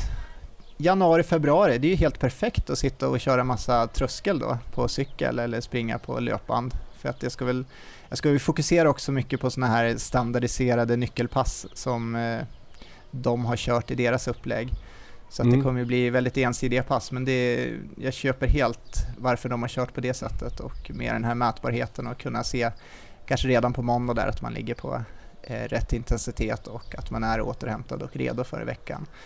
Så det blir tio veckor så. Och sen så kommer väl den, eh, den svåraste delen som jag ser det. Det är mycket möjligt att jag redan här har gått in i väggen och inte, inte kan köra längre. Men just den här övergången då från tröskelperioden in i den specifika perioden när man då ska köra massa tävlingsfart i löpning. Och då har jag funderat på vilken distans jag ska sikta på och eh, ska man göra det kanske mest likt med den tiden som eh, de har då eh, i arbete, alltså då är det ju kanske 5000 meter man borde satsa på i löpning. Det känns ganska tråkigt för mig för att jag har sprungit det en gång, det är inget så jättebra pers jag har heller så att det är svårt att jämföra med det. Däremot 10 kilometer har jag ju kört väldigt många gånger och där har jag ju ett av mina bästa pers på 32.54. Jag tror väl också att eh, alltså anledningen till att de har den arbetstiden de har, det är att eh, det är de längsta distanserna som finns på skridsko i OS. Så hade det funnits kanske säg 20 km skridsko, då hade Nils säkert varit och dominerat där också. Jag tror hans upplägg skulle sett väldigt likt ut nu med. Så att jag tror 10 km kan vara en bra distans och just nu så är det det jag är inne på, att jag ska försöka bygga upp hela det här träningsupplägget för att prestera så bra som möjligt på 10 km och att då persa eh, förhoppningsvis ganska rejält från 32.54. Mm. Det kommer ju då vara, ska jag ta pers så ska jag ner på en fart av 3.15 till 3.17 ungefär. Och då gäller det att få in massa pass där. Och i mitt eh, ursprungliga upplägg så hade jag tänkt där att köra kanske måndag, onsdag, fredag för att köra alla dagar som Nils har gjort med tävlingsfart och på skridskor som löpning, det tror jag blir alldeles för tufft. Mm. Så att eh, en vilodag emellan, men måndag, onsdag, fredag med kanske 10 km tävlingsfart eh, de tre dagarna. Det låter ju fortfarande mycket, mycket tuffare än något jag skulle klarat tidigare. Så förhoppningen är ju att hela den här upplägget med den aeroba perioden och tröskelperioden har byggt upp en så pass eh, bra bas att det kanske ska vara möjligt att göra det. Jag kan tänka mig att man kanske håller bättre hela passet, att man springer med bättre teknik hela vägen. Så att det skulle kunna ta ner skaderisken lite till exempel. Och, och sen, sen, är väl eh, nyckeln att eh, din återhämtning har blivit mycket bättre av all den här ja. aeroba träningen. Så att tisdag och torsdag där så blir du fräsch på en dag istället för kanske två dagar nu och kanske tre dagar när vi började springa, när man var ganska sliten efter ett sånt, sånt pass. Precis, och sen övergångsperioden då mellan tröskelperioden och eh, den här specifika perioden, då kommer jag få börja lägga in kortare pass med den här tävlingsfarten i. Har du redan nu bokat vilket pass det kommer bli som kommer vara ditt specifika pass om du ska nu köra bara ett? Ja men det vart ju intressant efter intervjun då, för jag var inne lite kanske på 10 gånger 1000 men i intervjun så låter det ju som att mer kanske 5 gånger 2 kilometer ska vara, eller till och med ännu längre drag. Ja. Men vad tycker du? 5 gånger 2 kanske? Kan det vara ett standardpass? Ja men det kanske är rimligt, eller om du kör något eh, ovanligt som ingen kör, 4 gånger 2,5 så blir det lite unik också. Eh, men eh, Ja, något sånt tänker jag. Kanske lite längre då om man ska gå efter vad de gjorde. Så att man får ja. lite större delar eh, i, för man vet ju att 10 x 1000 är ju väldigt mycket lättare när man börjar köra 5 x 2 eller 3 x 3 eller något i 10 k fart. Då blir det ju en helt annan grej. Så att, eh, eller om du gör eh, någon vecka med 10 gånger en och sen, alltså du kör över, övergångsperioden, sen kör du 10 gånger en någon vecka och sen går du över på 5 gånger 2 kanske. Just det, just det det behöver kanske inte vara. Det viktigaste där var väl att de kunde så lätt mäta om det var en bra eller en dålig dag och sådär. Om de gick framåt, om de körde samma. Men om du delar upp den där specifika perioden i två kanske du kan byta pass mitt i eller någonting. Ja, jag ja. vet inte. Vi har ju lite tid att fundera på det. Ja men det är bra. Det känns ändå bra att vi har, har tid att förfina upplägget. Får se om jag får in lite mer eh, kanske idéer här utifrån eh, när vi släpper avsnittet. Men eh, eh, kan nämna det också att eh, ett bra tips här vi fick i intervjun det är också att ta progression i den aeroba perioden. För där kanske jag skulle kunna börja då med fyra timmar löpning eh, per dag de första två, tre veckorna, sen gå upp på fyra och en halv timme löpning per dag nästa två, tre veckor och sen kanske komma upp på de här fem timmarna löpning då. Just det, men där tänker du att det kommer bli typ eh Alltså det är svårt att säga nu men kommer du ligga på 5.30 fart eller 6 fart eller 5 fart? Alltså kommer det bli typ 25 eh, mil i veckan eller kommer det bli upp mot 30 mil i veckan löpning? Jag tror väl en 25 mil låter väl som en ganska, ganska rimligt ändå kan jag tänka mig. Men jag Lite tror... som eh, Anders Gärderud.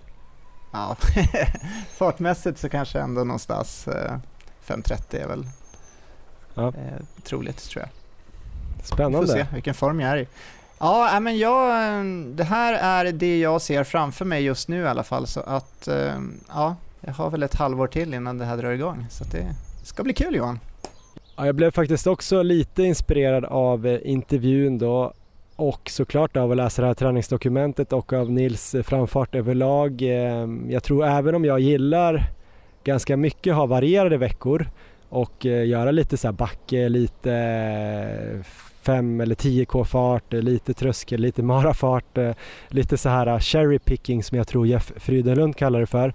Så blir man ju också inspirerad när någonting är så här väldigt, väldigt uppstyrt. Det känns nästan som ett recept på framgång. Liksom. Om man följer det här och orkar följa det här så kommer man bli jävligt bra.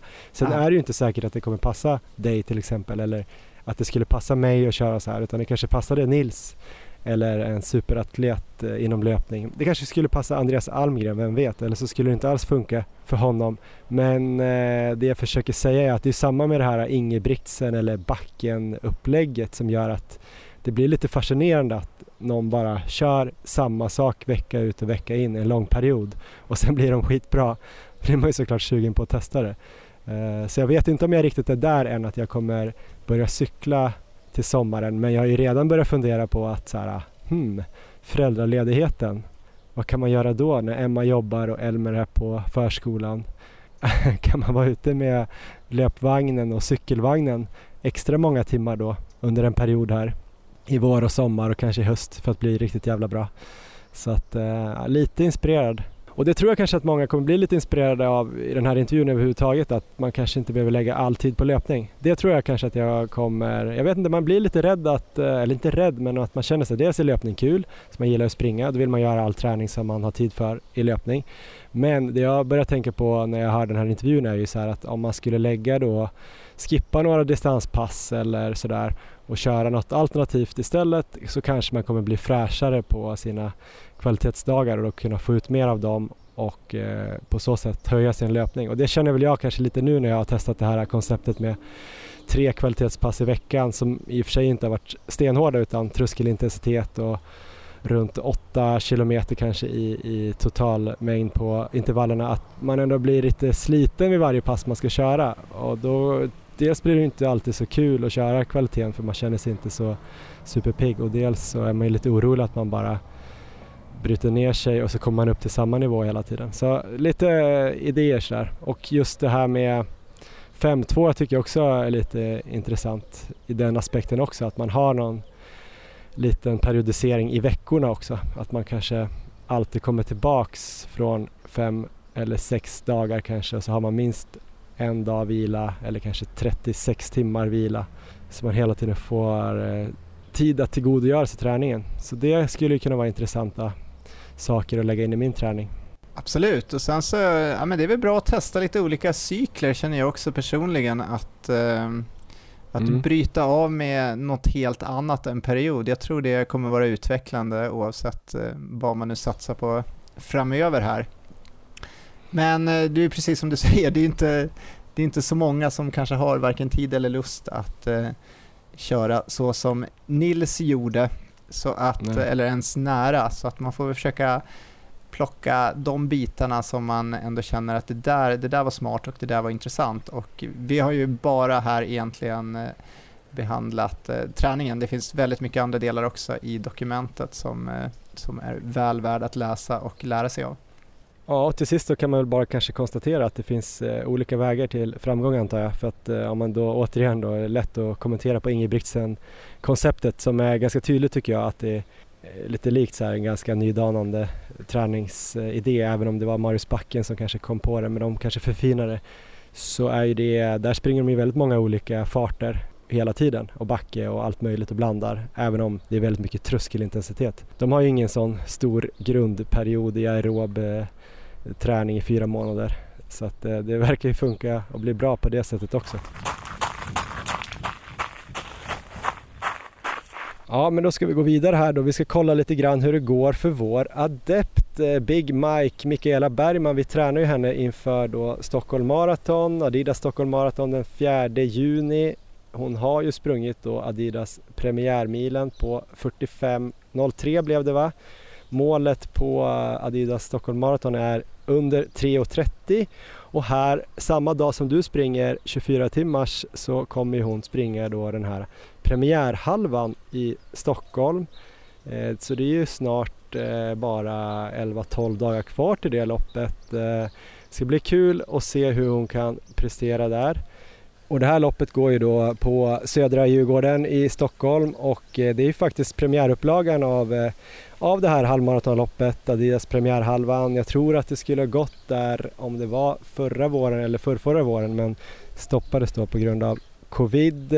Det är ju en väldigt bra genomkörare inför då Stockholm Marathon såklart eh, men passar ju såklart även jättebra för de som bara vill springa en halvmara i, i april. Det brukar ju vara ganska, kunna vara ganska bra väder i slutet av april. Jag vet att det har varit lite halvtaskigt nu och kallt och slaskigt och så men jag tänker att det kommer vara ganska fint och svalt och bra temperaturer och eh, ganska platt bana.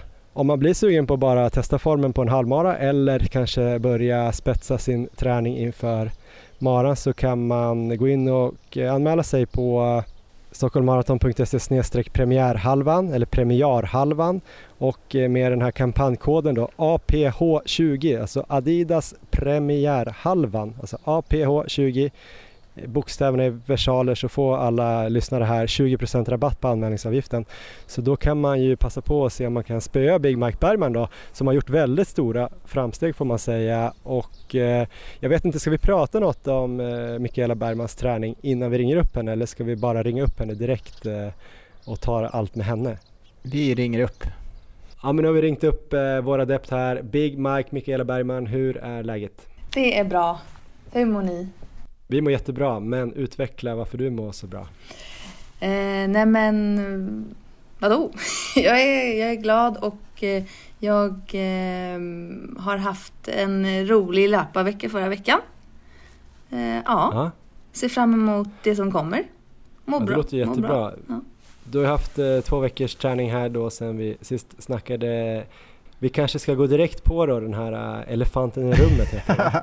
Mm. Eh, du hade ju då, eh, vi kan fokusera mest på det egentligen. Du hade två veckor med, ja, med bra träning och du hade då Paris maraton som du hade anmält dig till och du skulle använda som långpass då förra helgen. Mm. Eh, vi sa väl att du skulle springa till Eiffeltornet, ungefär 30 kilometer. Ja. Nu undrar väl alla, hur gick det där? Paris maraton? Jo, eh, ja men det gick ju bra. Eh, och jag hade ju som plan att stanna vid 30. Eh, men Mm. det gick ju mindre bra. Jag. Vad hände då? Ehm, alltså jag, kan man, får man skylla på feeling? Eh, jag vet inte. Men eh, jag, på något sätt så var det i alla fall att typ vid 28 eh, så säger jag att vi behöver inte dricka vatten här för att eh, vi ska ju sluta om två kilometer. Och då började velandet. Eh, och så var det så här, ja men det känns ju ändå bra. Vad deppigt att sluta vid 30. Nu är vi här. Eh, vi skulle kunna springa i mål. Eh, och så gjorde jag det. Ja. Ja. Eh, Hur kändes det då eh, sista 12 där då? nej men det var ju typ faktiskt, jag förstår varför ni satte 30 som, eh, som liksom att det var då jag skulle hoppa av. För det är ju efter det i alla fall för mig det började bli tuffare.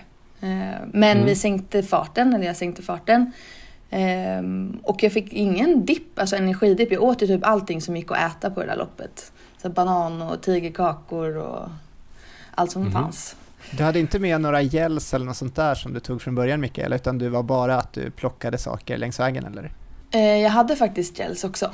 Eh, så jag fick nog i mig i alla fall tre, fyra stycken. Det kändes som att jag åt mycket Mm. under hela loppet. Eh, men, ja, så ingen energidipp fick jag. Men sen så, ja men runt kanske 35. Eh, då var jag inte flåsigt trött. Men man började känna sig trött i, i typ leder och muskler. Ja, det låter ju rimligt när man som längst har sprungit, vad var det, 26 innan. Mm. Men eh, vad ska vi säga, men du sprang in på en väldigt fin tid måste jag säga.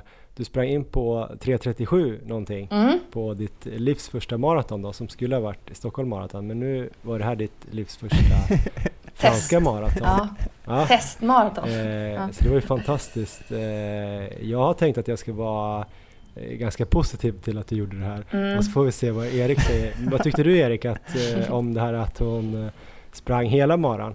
Och ganska snabbt ändå får man väl säga om, om målet på Stockholm med 3.30. Ja, men till, till att börja med så var det, jag är otroligt imponerad.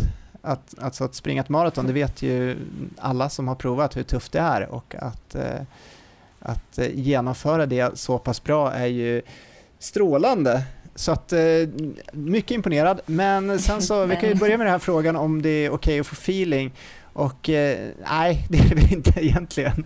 Nej. så att där kommer ju problemet då. Det är ju väldigt riskabelt att göra en sån här grej eh, för skador och eh, att bli sliten de kommande träningsveckor.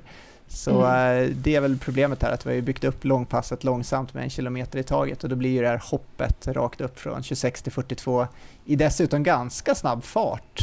Det är ju ett för tufft pass egentligen, så det är ju ingenting som vi själva skulle lagt in eller planerat in. Men så här i efterhand så kan jag tycka att vi, du och jag Johan, borde kanske fattat att det här skulle hända med hela atmosfären runt omkring och om känslan liksom var god där vid 30 så är det ju inte lätt att bara kliva av. Så jag tycker vi får ta på oss eh, lite av skulden här. Jag, så jag, är inte, jag är inte så upprörd. Jag är bara jätte, jätteglad att det verkar gått bra. Vi la ju om eh, träningsveckan här eh, efteråt också så du fick tre hela vilodagar efter loppet och sådär. Så att eh, Ja. Eh, nu håller vi bara tummarna att allt har gått bra här så, så, så ser det ju ännu mer lovande ut än vad det redan gjorde tidigare.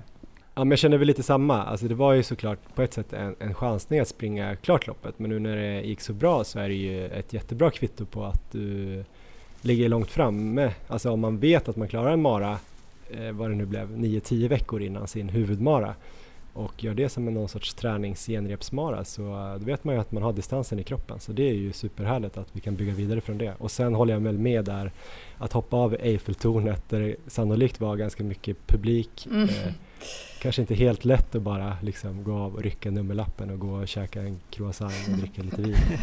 Så jag förstår att man sprang, sprang vidare. Ja. Eh, men det var kul ja. ändå att du gjorde det. Ja, regler är väl till för att både följas och brytas antar jag. Ja, nej men eh, jag, in, alltså jag skämdes ju. Alltså när jag gick i mål och så var jag glad och så skämdes jag samtidigt. Och så tänkte jag, ska jag gömma det här nu på Strava? Så att ingen ser. Nej, men jag, ja, det, det var ju eh, dum, dumt gjort. Men det känns lite som ett kvitto på att eh, ett, ni har fått mig att tycka att det är kul att springa. Det är en bra grej. Ja. Och att Ja. det faktiskt gick. Eh, men sen, ja. Men, eh, och nu känns det ju faktiskt inte som att kroppen har tagit stryk. Jag tänkte komma till det lite grann. Hur har den här veckan känts? Som Erik sa så la vi in en massa extra vilodagar där och sen har det ju kommit igång lite grann. Hur eh, har det varit den här veckan? Eh, men det har ändå varit okej. Eh, det var ju skönt att få lite vila. Och jag kände mig lite trött först, andra passet. Första passet kändes bra, men andra passet kände jag mig lite trött. Eh, och så Mm. fick jag ju någon dags vila till. Och så testade jag att springa igår och då, då kändes det som att det var på gång igen. Så det, men det är Ja. klart, jag var ju lite trött. Eh, men eh, jag tror att det, det känns bra. Härligt! Ja men eh, sjukt bra insats i alla fall och kul att du verkar tycka att det var så kul. Det känns ju som att det var det absolut viktigaste och jag hoppas inte att eh, du ska behöva Du ska inte känna att du behöver skämmas för vår skull.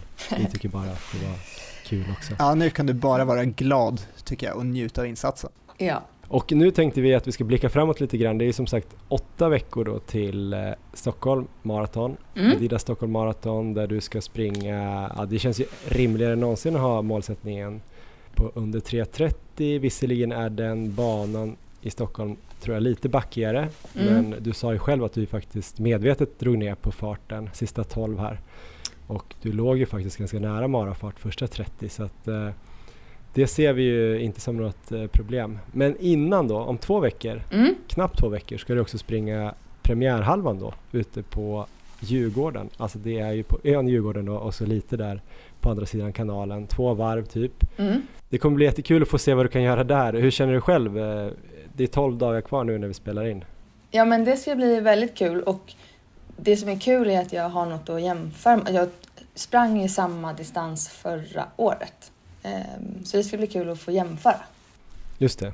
Du sprang eh, Stockholm halvmaraton på 1.42.47 tror jag vi kom fram till Mm. eh, i september. Ja. Så det här är lite mer än ett halvår. Se om den här träningen har gett någonting. Vad tror du själv? Vad tror du att du kommer kunna sikta på? Ja, det är svårt. Alltså jag har väl, vi, så målet var väl att springa på en 40 och det känns Mm. som att det är ändå ett rimligt mål.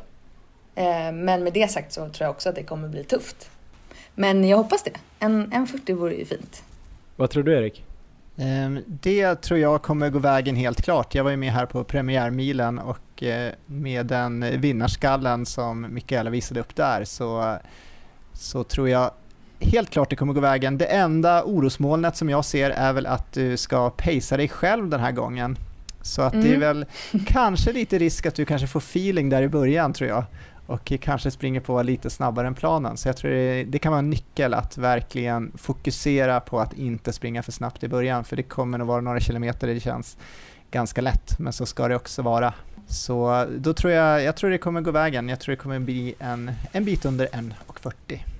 Ja, vi kan ju kolla också, det står ju att det är eh, farthållare under det här loppet och det är inte helt orimligt att det finns en farthållare för 1.40. Nej, och de brukar ju vara kul. ganska skillade, så kanske du kan börja i den gruppen. Jag tror också att du kan göra snabbare än 1.40, helt klart. Du verkar ju minst sagt uthållig nu då, du har klarat en, en mara och eh, jag tror att du har farten och det är lite små backar på den här premiärhalvan mm. men eh, det ska ju inte hindra dig som är bra i backar, utgår jag ifrån. Sen får vi väl se exakt hur vi ska lägga upp träningen de här två veckorna. Vi kommer lägga upp den på vår Instagram här idag när det här släpps eller om det är igår eller imorgon. Vi får se, gå in och kolla där i alla fall. Eh, vi snackade lite om det bara kort här innan Erik. Det är ju såklart jättekul om hon kan, eller Mikaela kan göra ett jättebra lopp på premiärhalvan men det är fortfarande Adidas Stockholm Marathon som är huvudmålet och nu med åtta veckor kvar börjar ju den här specifika perioden har vi tänkt för maraton. Så vi kan inte ja. kanske köra allt för lugna veckor här nu, två veckor fram till eh, halvmaran. Å andra sidan måste hon kanske köra lite lugnare vecka den här fortfarande med tanke på Paris. Eh, vad känner du där Erik? Ja men eh, premiärhalvan blir väl som ett kvalitetspass i den specifika perioden tänker jag.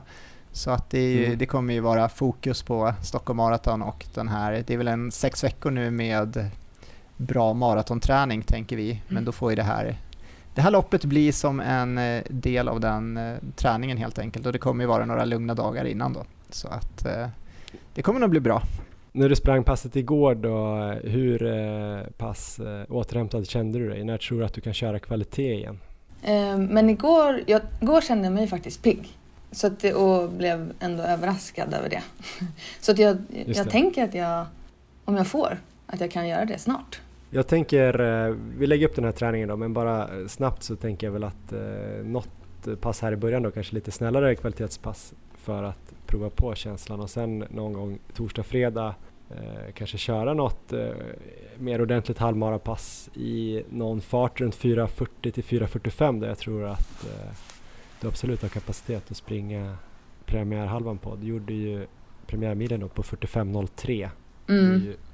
nästan exakt 4.30 fart. Så att runt 10-12 sekunder långsammare per kilometer är ju inte helt orimligt. Men det kan gå snabbare än så, det vet vi inte.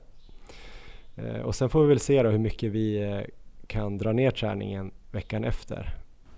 Med tanke på att du också måste träna för maran. Ja. Eh, så det kanske bara blir någon lugn dag där, eller vad säger du Erik, inför premiärhalvan? Kanske att torsdag, fredag blir lite lugnare? Ja, men det tror jag blir perfekt upplägg. Det ska bli spännande att följa. Vad känner du annars då Mikaela?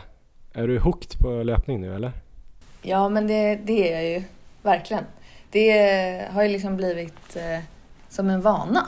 Nu känns det näst, ibland känns det lite konstigt de dagarna man inte får springa. Det tänker jag är ja. positivt. Jag hoppas att det håller Absolut. i sig. Men eh, jag har faktiskt en fråga om halvmaran. Hur jag ska tänka kring farten om jag vill springa mm. på eh, 1.40 och det är lite backig bana. Ja men 1.40 är ju i princip exakt 4.45 fart och eh, jag tänker väl egentligen att du kan starta där någonstans i 4.45 backarna som du pratar om. Ja, där behöver du inte hålla din tänkta målfart utan det får väl vara lite mer på känsla och intensitet att du känner att det är ungefär lika jobbigt att springa i backarna på en viss tid som det är att springa 4.40 till 4.45 på platten. Mm. Och sen brukar, tycker jag, om man har paceat sig rätt på halvmaran så brukar ändå första halvan kännas um, Ja men det brukar kännas lite så här att första fem kilometerna känns ganska lätta och sen eh, någonstans mellan 5 och 15 kommer det vara tufft och mm. bli tuffare och tuffare såklart men ändå någonstans någonstans eh, överkomligt. Och sen är det väl de här sista 5-6 kilometerna som brukar vara lite, lite krig. Ja. Vad säger du Erik? Ja, men jag tror nyckeln som jag pratade om tidigare också är att inte gå ut för hårt ändå och försöka bunkra någon tid för att det eventuellt kommer några backar sen. Eh, det är väldigt positivt också på slutet. Om man har lite krafter kvar och kan ligga på bra så kommer man ju springa om många och skillnaden att springa om många och att bli omsprungen av många är ju väldigt stor rent psykologiskt. Så att, eh, jag tror nog att du ska, ska försöka pacea dig, pacea dig jämnt på den farten hela vägen och sen så är väl förhoppningen där med kanske 5 km kvar att du ska känna dig stark och då, då ska du nog kunna gå och öka och har det varit några backar där innan som du eventuellt då har tappat lite fart i så då tror jag du kommer kunna plocka den farten på slutet om, om du har kört med det upplägget. Okej. Okay.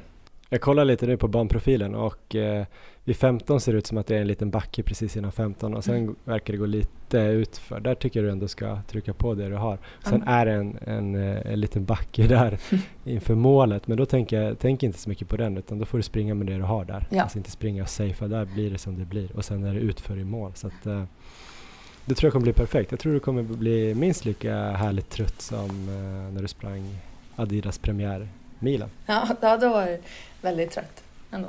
Så du har något att se fram emot. Ja. ja men vad kul! Ja! Kul med Paris ändå och eh, kul med de här loppen som kommer. Jättekul! Hoppas du är taggad. Jag är väldigt taggad. Och för alla andra då som också vill springa det här eh, Adidas premiärhalvan så finns det ju också den här koden då APH20 så får ni 20% rabatt på eh, anmälningsavgiften och eh, ni hittar det här loppet då på uh, stockholmmaraton.se premiärhalvan så kan ni få åka ut och kolla om ni kan spöa Big Mike. ja. Stort lycka till! Tusen tack! Ja men det var kul att snacka lite med Big Mike som eh, jag tror kommer göra något väldigt bra på premiärhalvan eh, och det är ju kul att det börjar bli så mycket tävlingar nu. Det känns som att podden lever upp lite grann. Du har ju ditt eh, SM-lopp på 24 timmar. Jag har ju två lopp till här jag har anmält mig till eh, på Mallis. Dels något typ av bergslopp här på fredag. 13 kilometer tror jag, 500-600 höjdmeter så precis lagom för mig tror jag. Och sen veckan efter är det 10 kilometer i Magaluf och sen är det Göteborgsvarvet då 21 maj som vi kan komma in på men ditt SM-lopp då på 24 timmars eh, den 23 april. Eh, hur gör du nu de sista 10 dagarna här? Ja, det är 12 dagar till start idag och den här veckan kommer vara väldigt lik en normal träningsvecka till innehåll. Jag kommer skruva ner den till 75% av normal volym om jag lyckas få till det som jag vill. Det är möjligt att det blir mycket mindre här om jag inte får till så mycket löpning. Men eh, loppveckan sen, då kommer jag ta bort alla styrkepass, kvalitetspass och långpass. Så sista veckan där, då kommer jag bara springa lugnt, cirka 10 km per dag och sen helvila dagen innan loppet, vilket också blir resdag ner till Växjö. Och vad är känslan då? Jag såg att Elov Olsson ska springa 100 km samma dag och eh, då blir det väl kanske en bra kamp där på 100 km distansen. Eh, vad tror du om dina chanser på 24 timmars? Har du någon koll på konkurrenterna eller blickar du bara mot din egen prestation? Det kanske man måste göra på 24 timmars för att komma i mål ens. Ja, nej men det måste man ju göra på 24 timmar så jag får ju fokusera på mig själv. Men jag vet ju att det är väldigt tuff konkurrens i år. Det är eh, nästan alla de bästa är med och springer. Eh, det är väl Elav då som skulle kunna ha sprungit både 24 timmar och 100 km men väljer att springa 100 km här. Och i år går ju SM då på de här två distanserna samma dag och på samma plats i Växjö. Så 100 mm. km springer på en 3 km slinga och vi som kör 24 timmar springer på en 800 meter slinga. Så det blir ju inga dubbla starter i år då tyvärr för mig. Underlaget på eh, loppet det kommer då vara asfalt med något grusparti. Så att eh, det ska nog ändå vara en ganska bra upplägg. Förra året så sprang vi ju på 400 meters bana så det är ju dubbla, dubbla sträckan i år. Just det. Finns det någonting du kan ha missat då om man kör någon sån här leak finding? Alltså var är läckan? Vad har du missat? Eh, du har ju snackat eh, nutrition med Tobias på Mårten. Har du valt skor? Jag vet att du har bra support träningen sista veckan verkar, eller sista veckorna verkar vara lite orosmoment. Finns det någonting där eller vad, vad, vad kan du eh, ha missat? Ja, men det är sådana problem jag haft förut. Det är till exempel att jag har fått håll i mina två senaste ultralopp och den är så här svår att eh, veta vart det kommer ifrån och vad man ska göra åt det. Så att eh, jag hoppas väl att jag har tränat så pass bra att jag kan undvika det och eh, Kanske just då att energiplanen nu, nu har jag fått träna på det några gånger och eh, som du nämnde där så har jag fått mycket hjälp av Tobias på Mårten så jag kommer ta in energi var 20 minut, framförallt deras sportdryck 320 men även gel 100 och sen kommer jag var fjärde timme inta någon fast föda, så det kommer vara till exempel banan eller liknande där.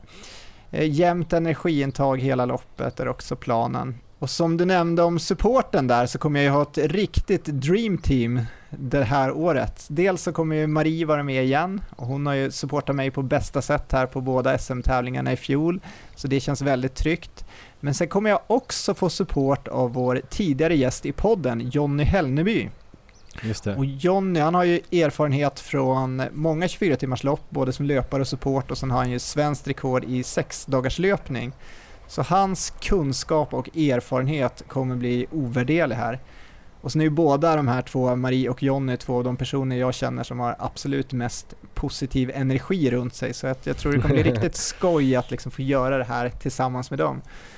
Så de bitarna känns som att, eh, ja, det, det kommer bli bra. Och sen så taktiken för mig kommer vara att gå ut i 5.20 fart och hålla det så länge som möjligt. Och min erfarenhet av samtliga ultralopp som jag har sprungit säger ju att det kommer gå en del långsammare på slutet, kanske ganska mycket långsammare på slutet. Framförallt i 24 timmars så verkar det ganska oundvikligt. Eh, förra gången körde jag också gåvarv varje timme. I år kommer jag inte lägga in några gåvarv alls innan det verkligen blir nödvändigt. Mm. Vilka skor kommer du köra i då? Ja, men jag eh, funderar fortfarande på den frågan. Det kommer bli en viktig fråga och det är ju frågan om man då ska springa i karbonskor eller göra som jag gjorde förra året och springa i någonting som kanske är lite mer vänligt för fötterna när man ska vara igång så länge som eh, i 24 timmar. Eh, så att jag, jag kommer testa lite mer här och jag kommer ha med väldigt många par ner till Växjö. Så får vi se vad det blir. Det låter lite som att du är lite hemlighetsfull här nu för att inte konkurrenterna ska få några tips på hur de kan slå dig. ja, de har nog full koll allihopa tror jag och har nog tränat bra med de skor de ska ha. Men eh, vi kan väl ta lite om hur man kan följa loppet också. Dels så kan man ju följa det på våra händelser på Instagram där det säkert kommer komma en hel del rapporter. Och eh, sen så rekommenderar jag att gå in på ultramaraton.se, ultramaraton då med TH i stavningen. För där kommer de livesända hela det här dygnet. Det kommer börja alltså med eh, SM-loppet på 100 km som börjar klockan 8 och sen börjar vi då som ska springa 24 timmars klockan 11. Och det är mm. Daniel Westergren där från podden Ultraaktuellt som kommer hålla i sändningen och det brukar vara riktigt bra sändningar med mycket intervjuer, livebilder och eh, väldigt proffsigt. Mm. Så eh, om man har lite att göra på den helgen så är det bara att gå in där på ultramaraton.se. Spännande, det kommer bli väldigt späckat där på eh, Maratonlabbets Instagram också som, eh, där vi heter Maratonlabbet den 23 april för du kommer springa då 24 timmars eh, i Växjö. Big Mike kommer springa premiärhalvan och jag kommer springa då det är väl Magaluf halvmaraton egentligen men jag ska springa 10 km loppet. Och Vilken där dag. tror jag faktiskt att jag ska göra en liten en liten eh, miniformtoppning i alla fall. Jag ska inte springa 25 km med 1000 höjdmeter dagen innan loppet utan jag ska nog vila någon dag och köra en sån där eh, tävlingsförberedande distans. Ehm, så kanske, jag ska se hur loppet, eller hur banan ser ut men jag tror kanske där ska jag försöka springa lite snabbare. Eh, så det kommer bli kul att följa, följa den dagen, framförallt dig då såklart.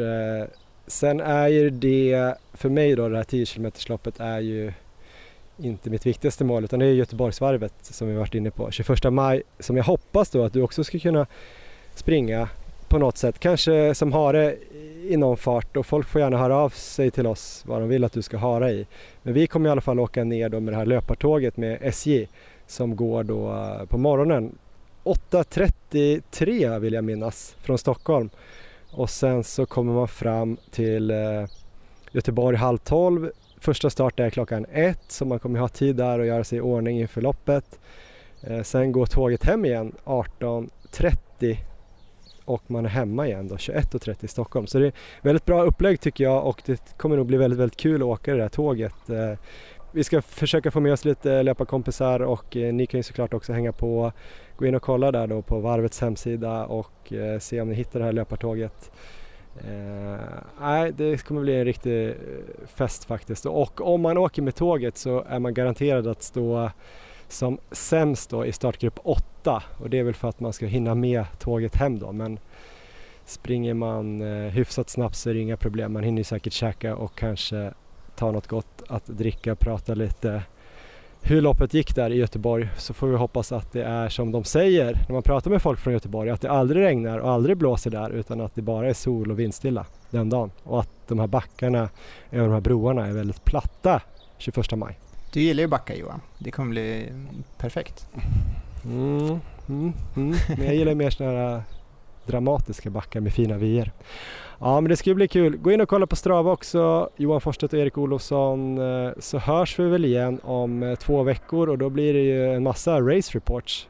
Det blir massor av race reports och även Mikaela Bergman finns ju på Strava så där kan ni se hur det har gått på premiärhalvan för henne.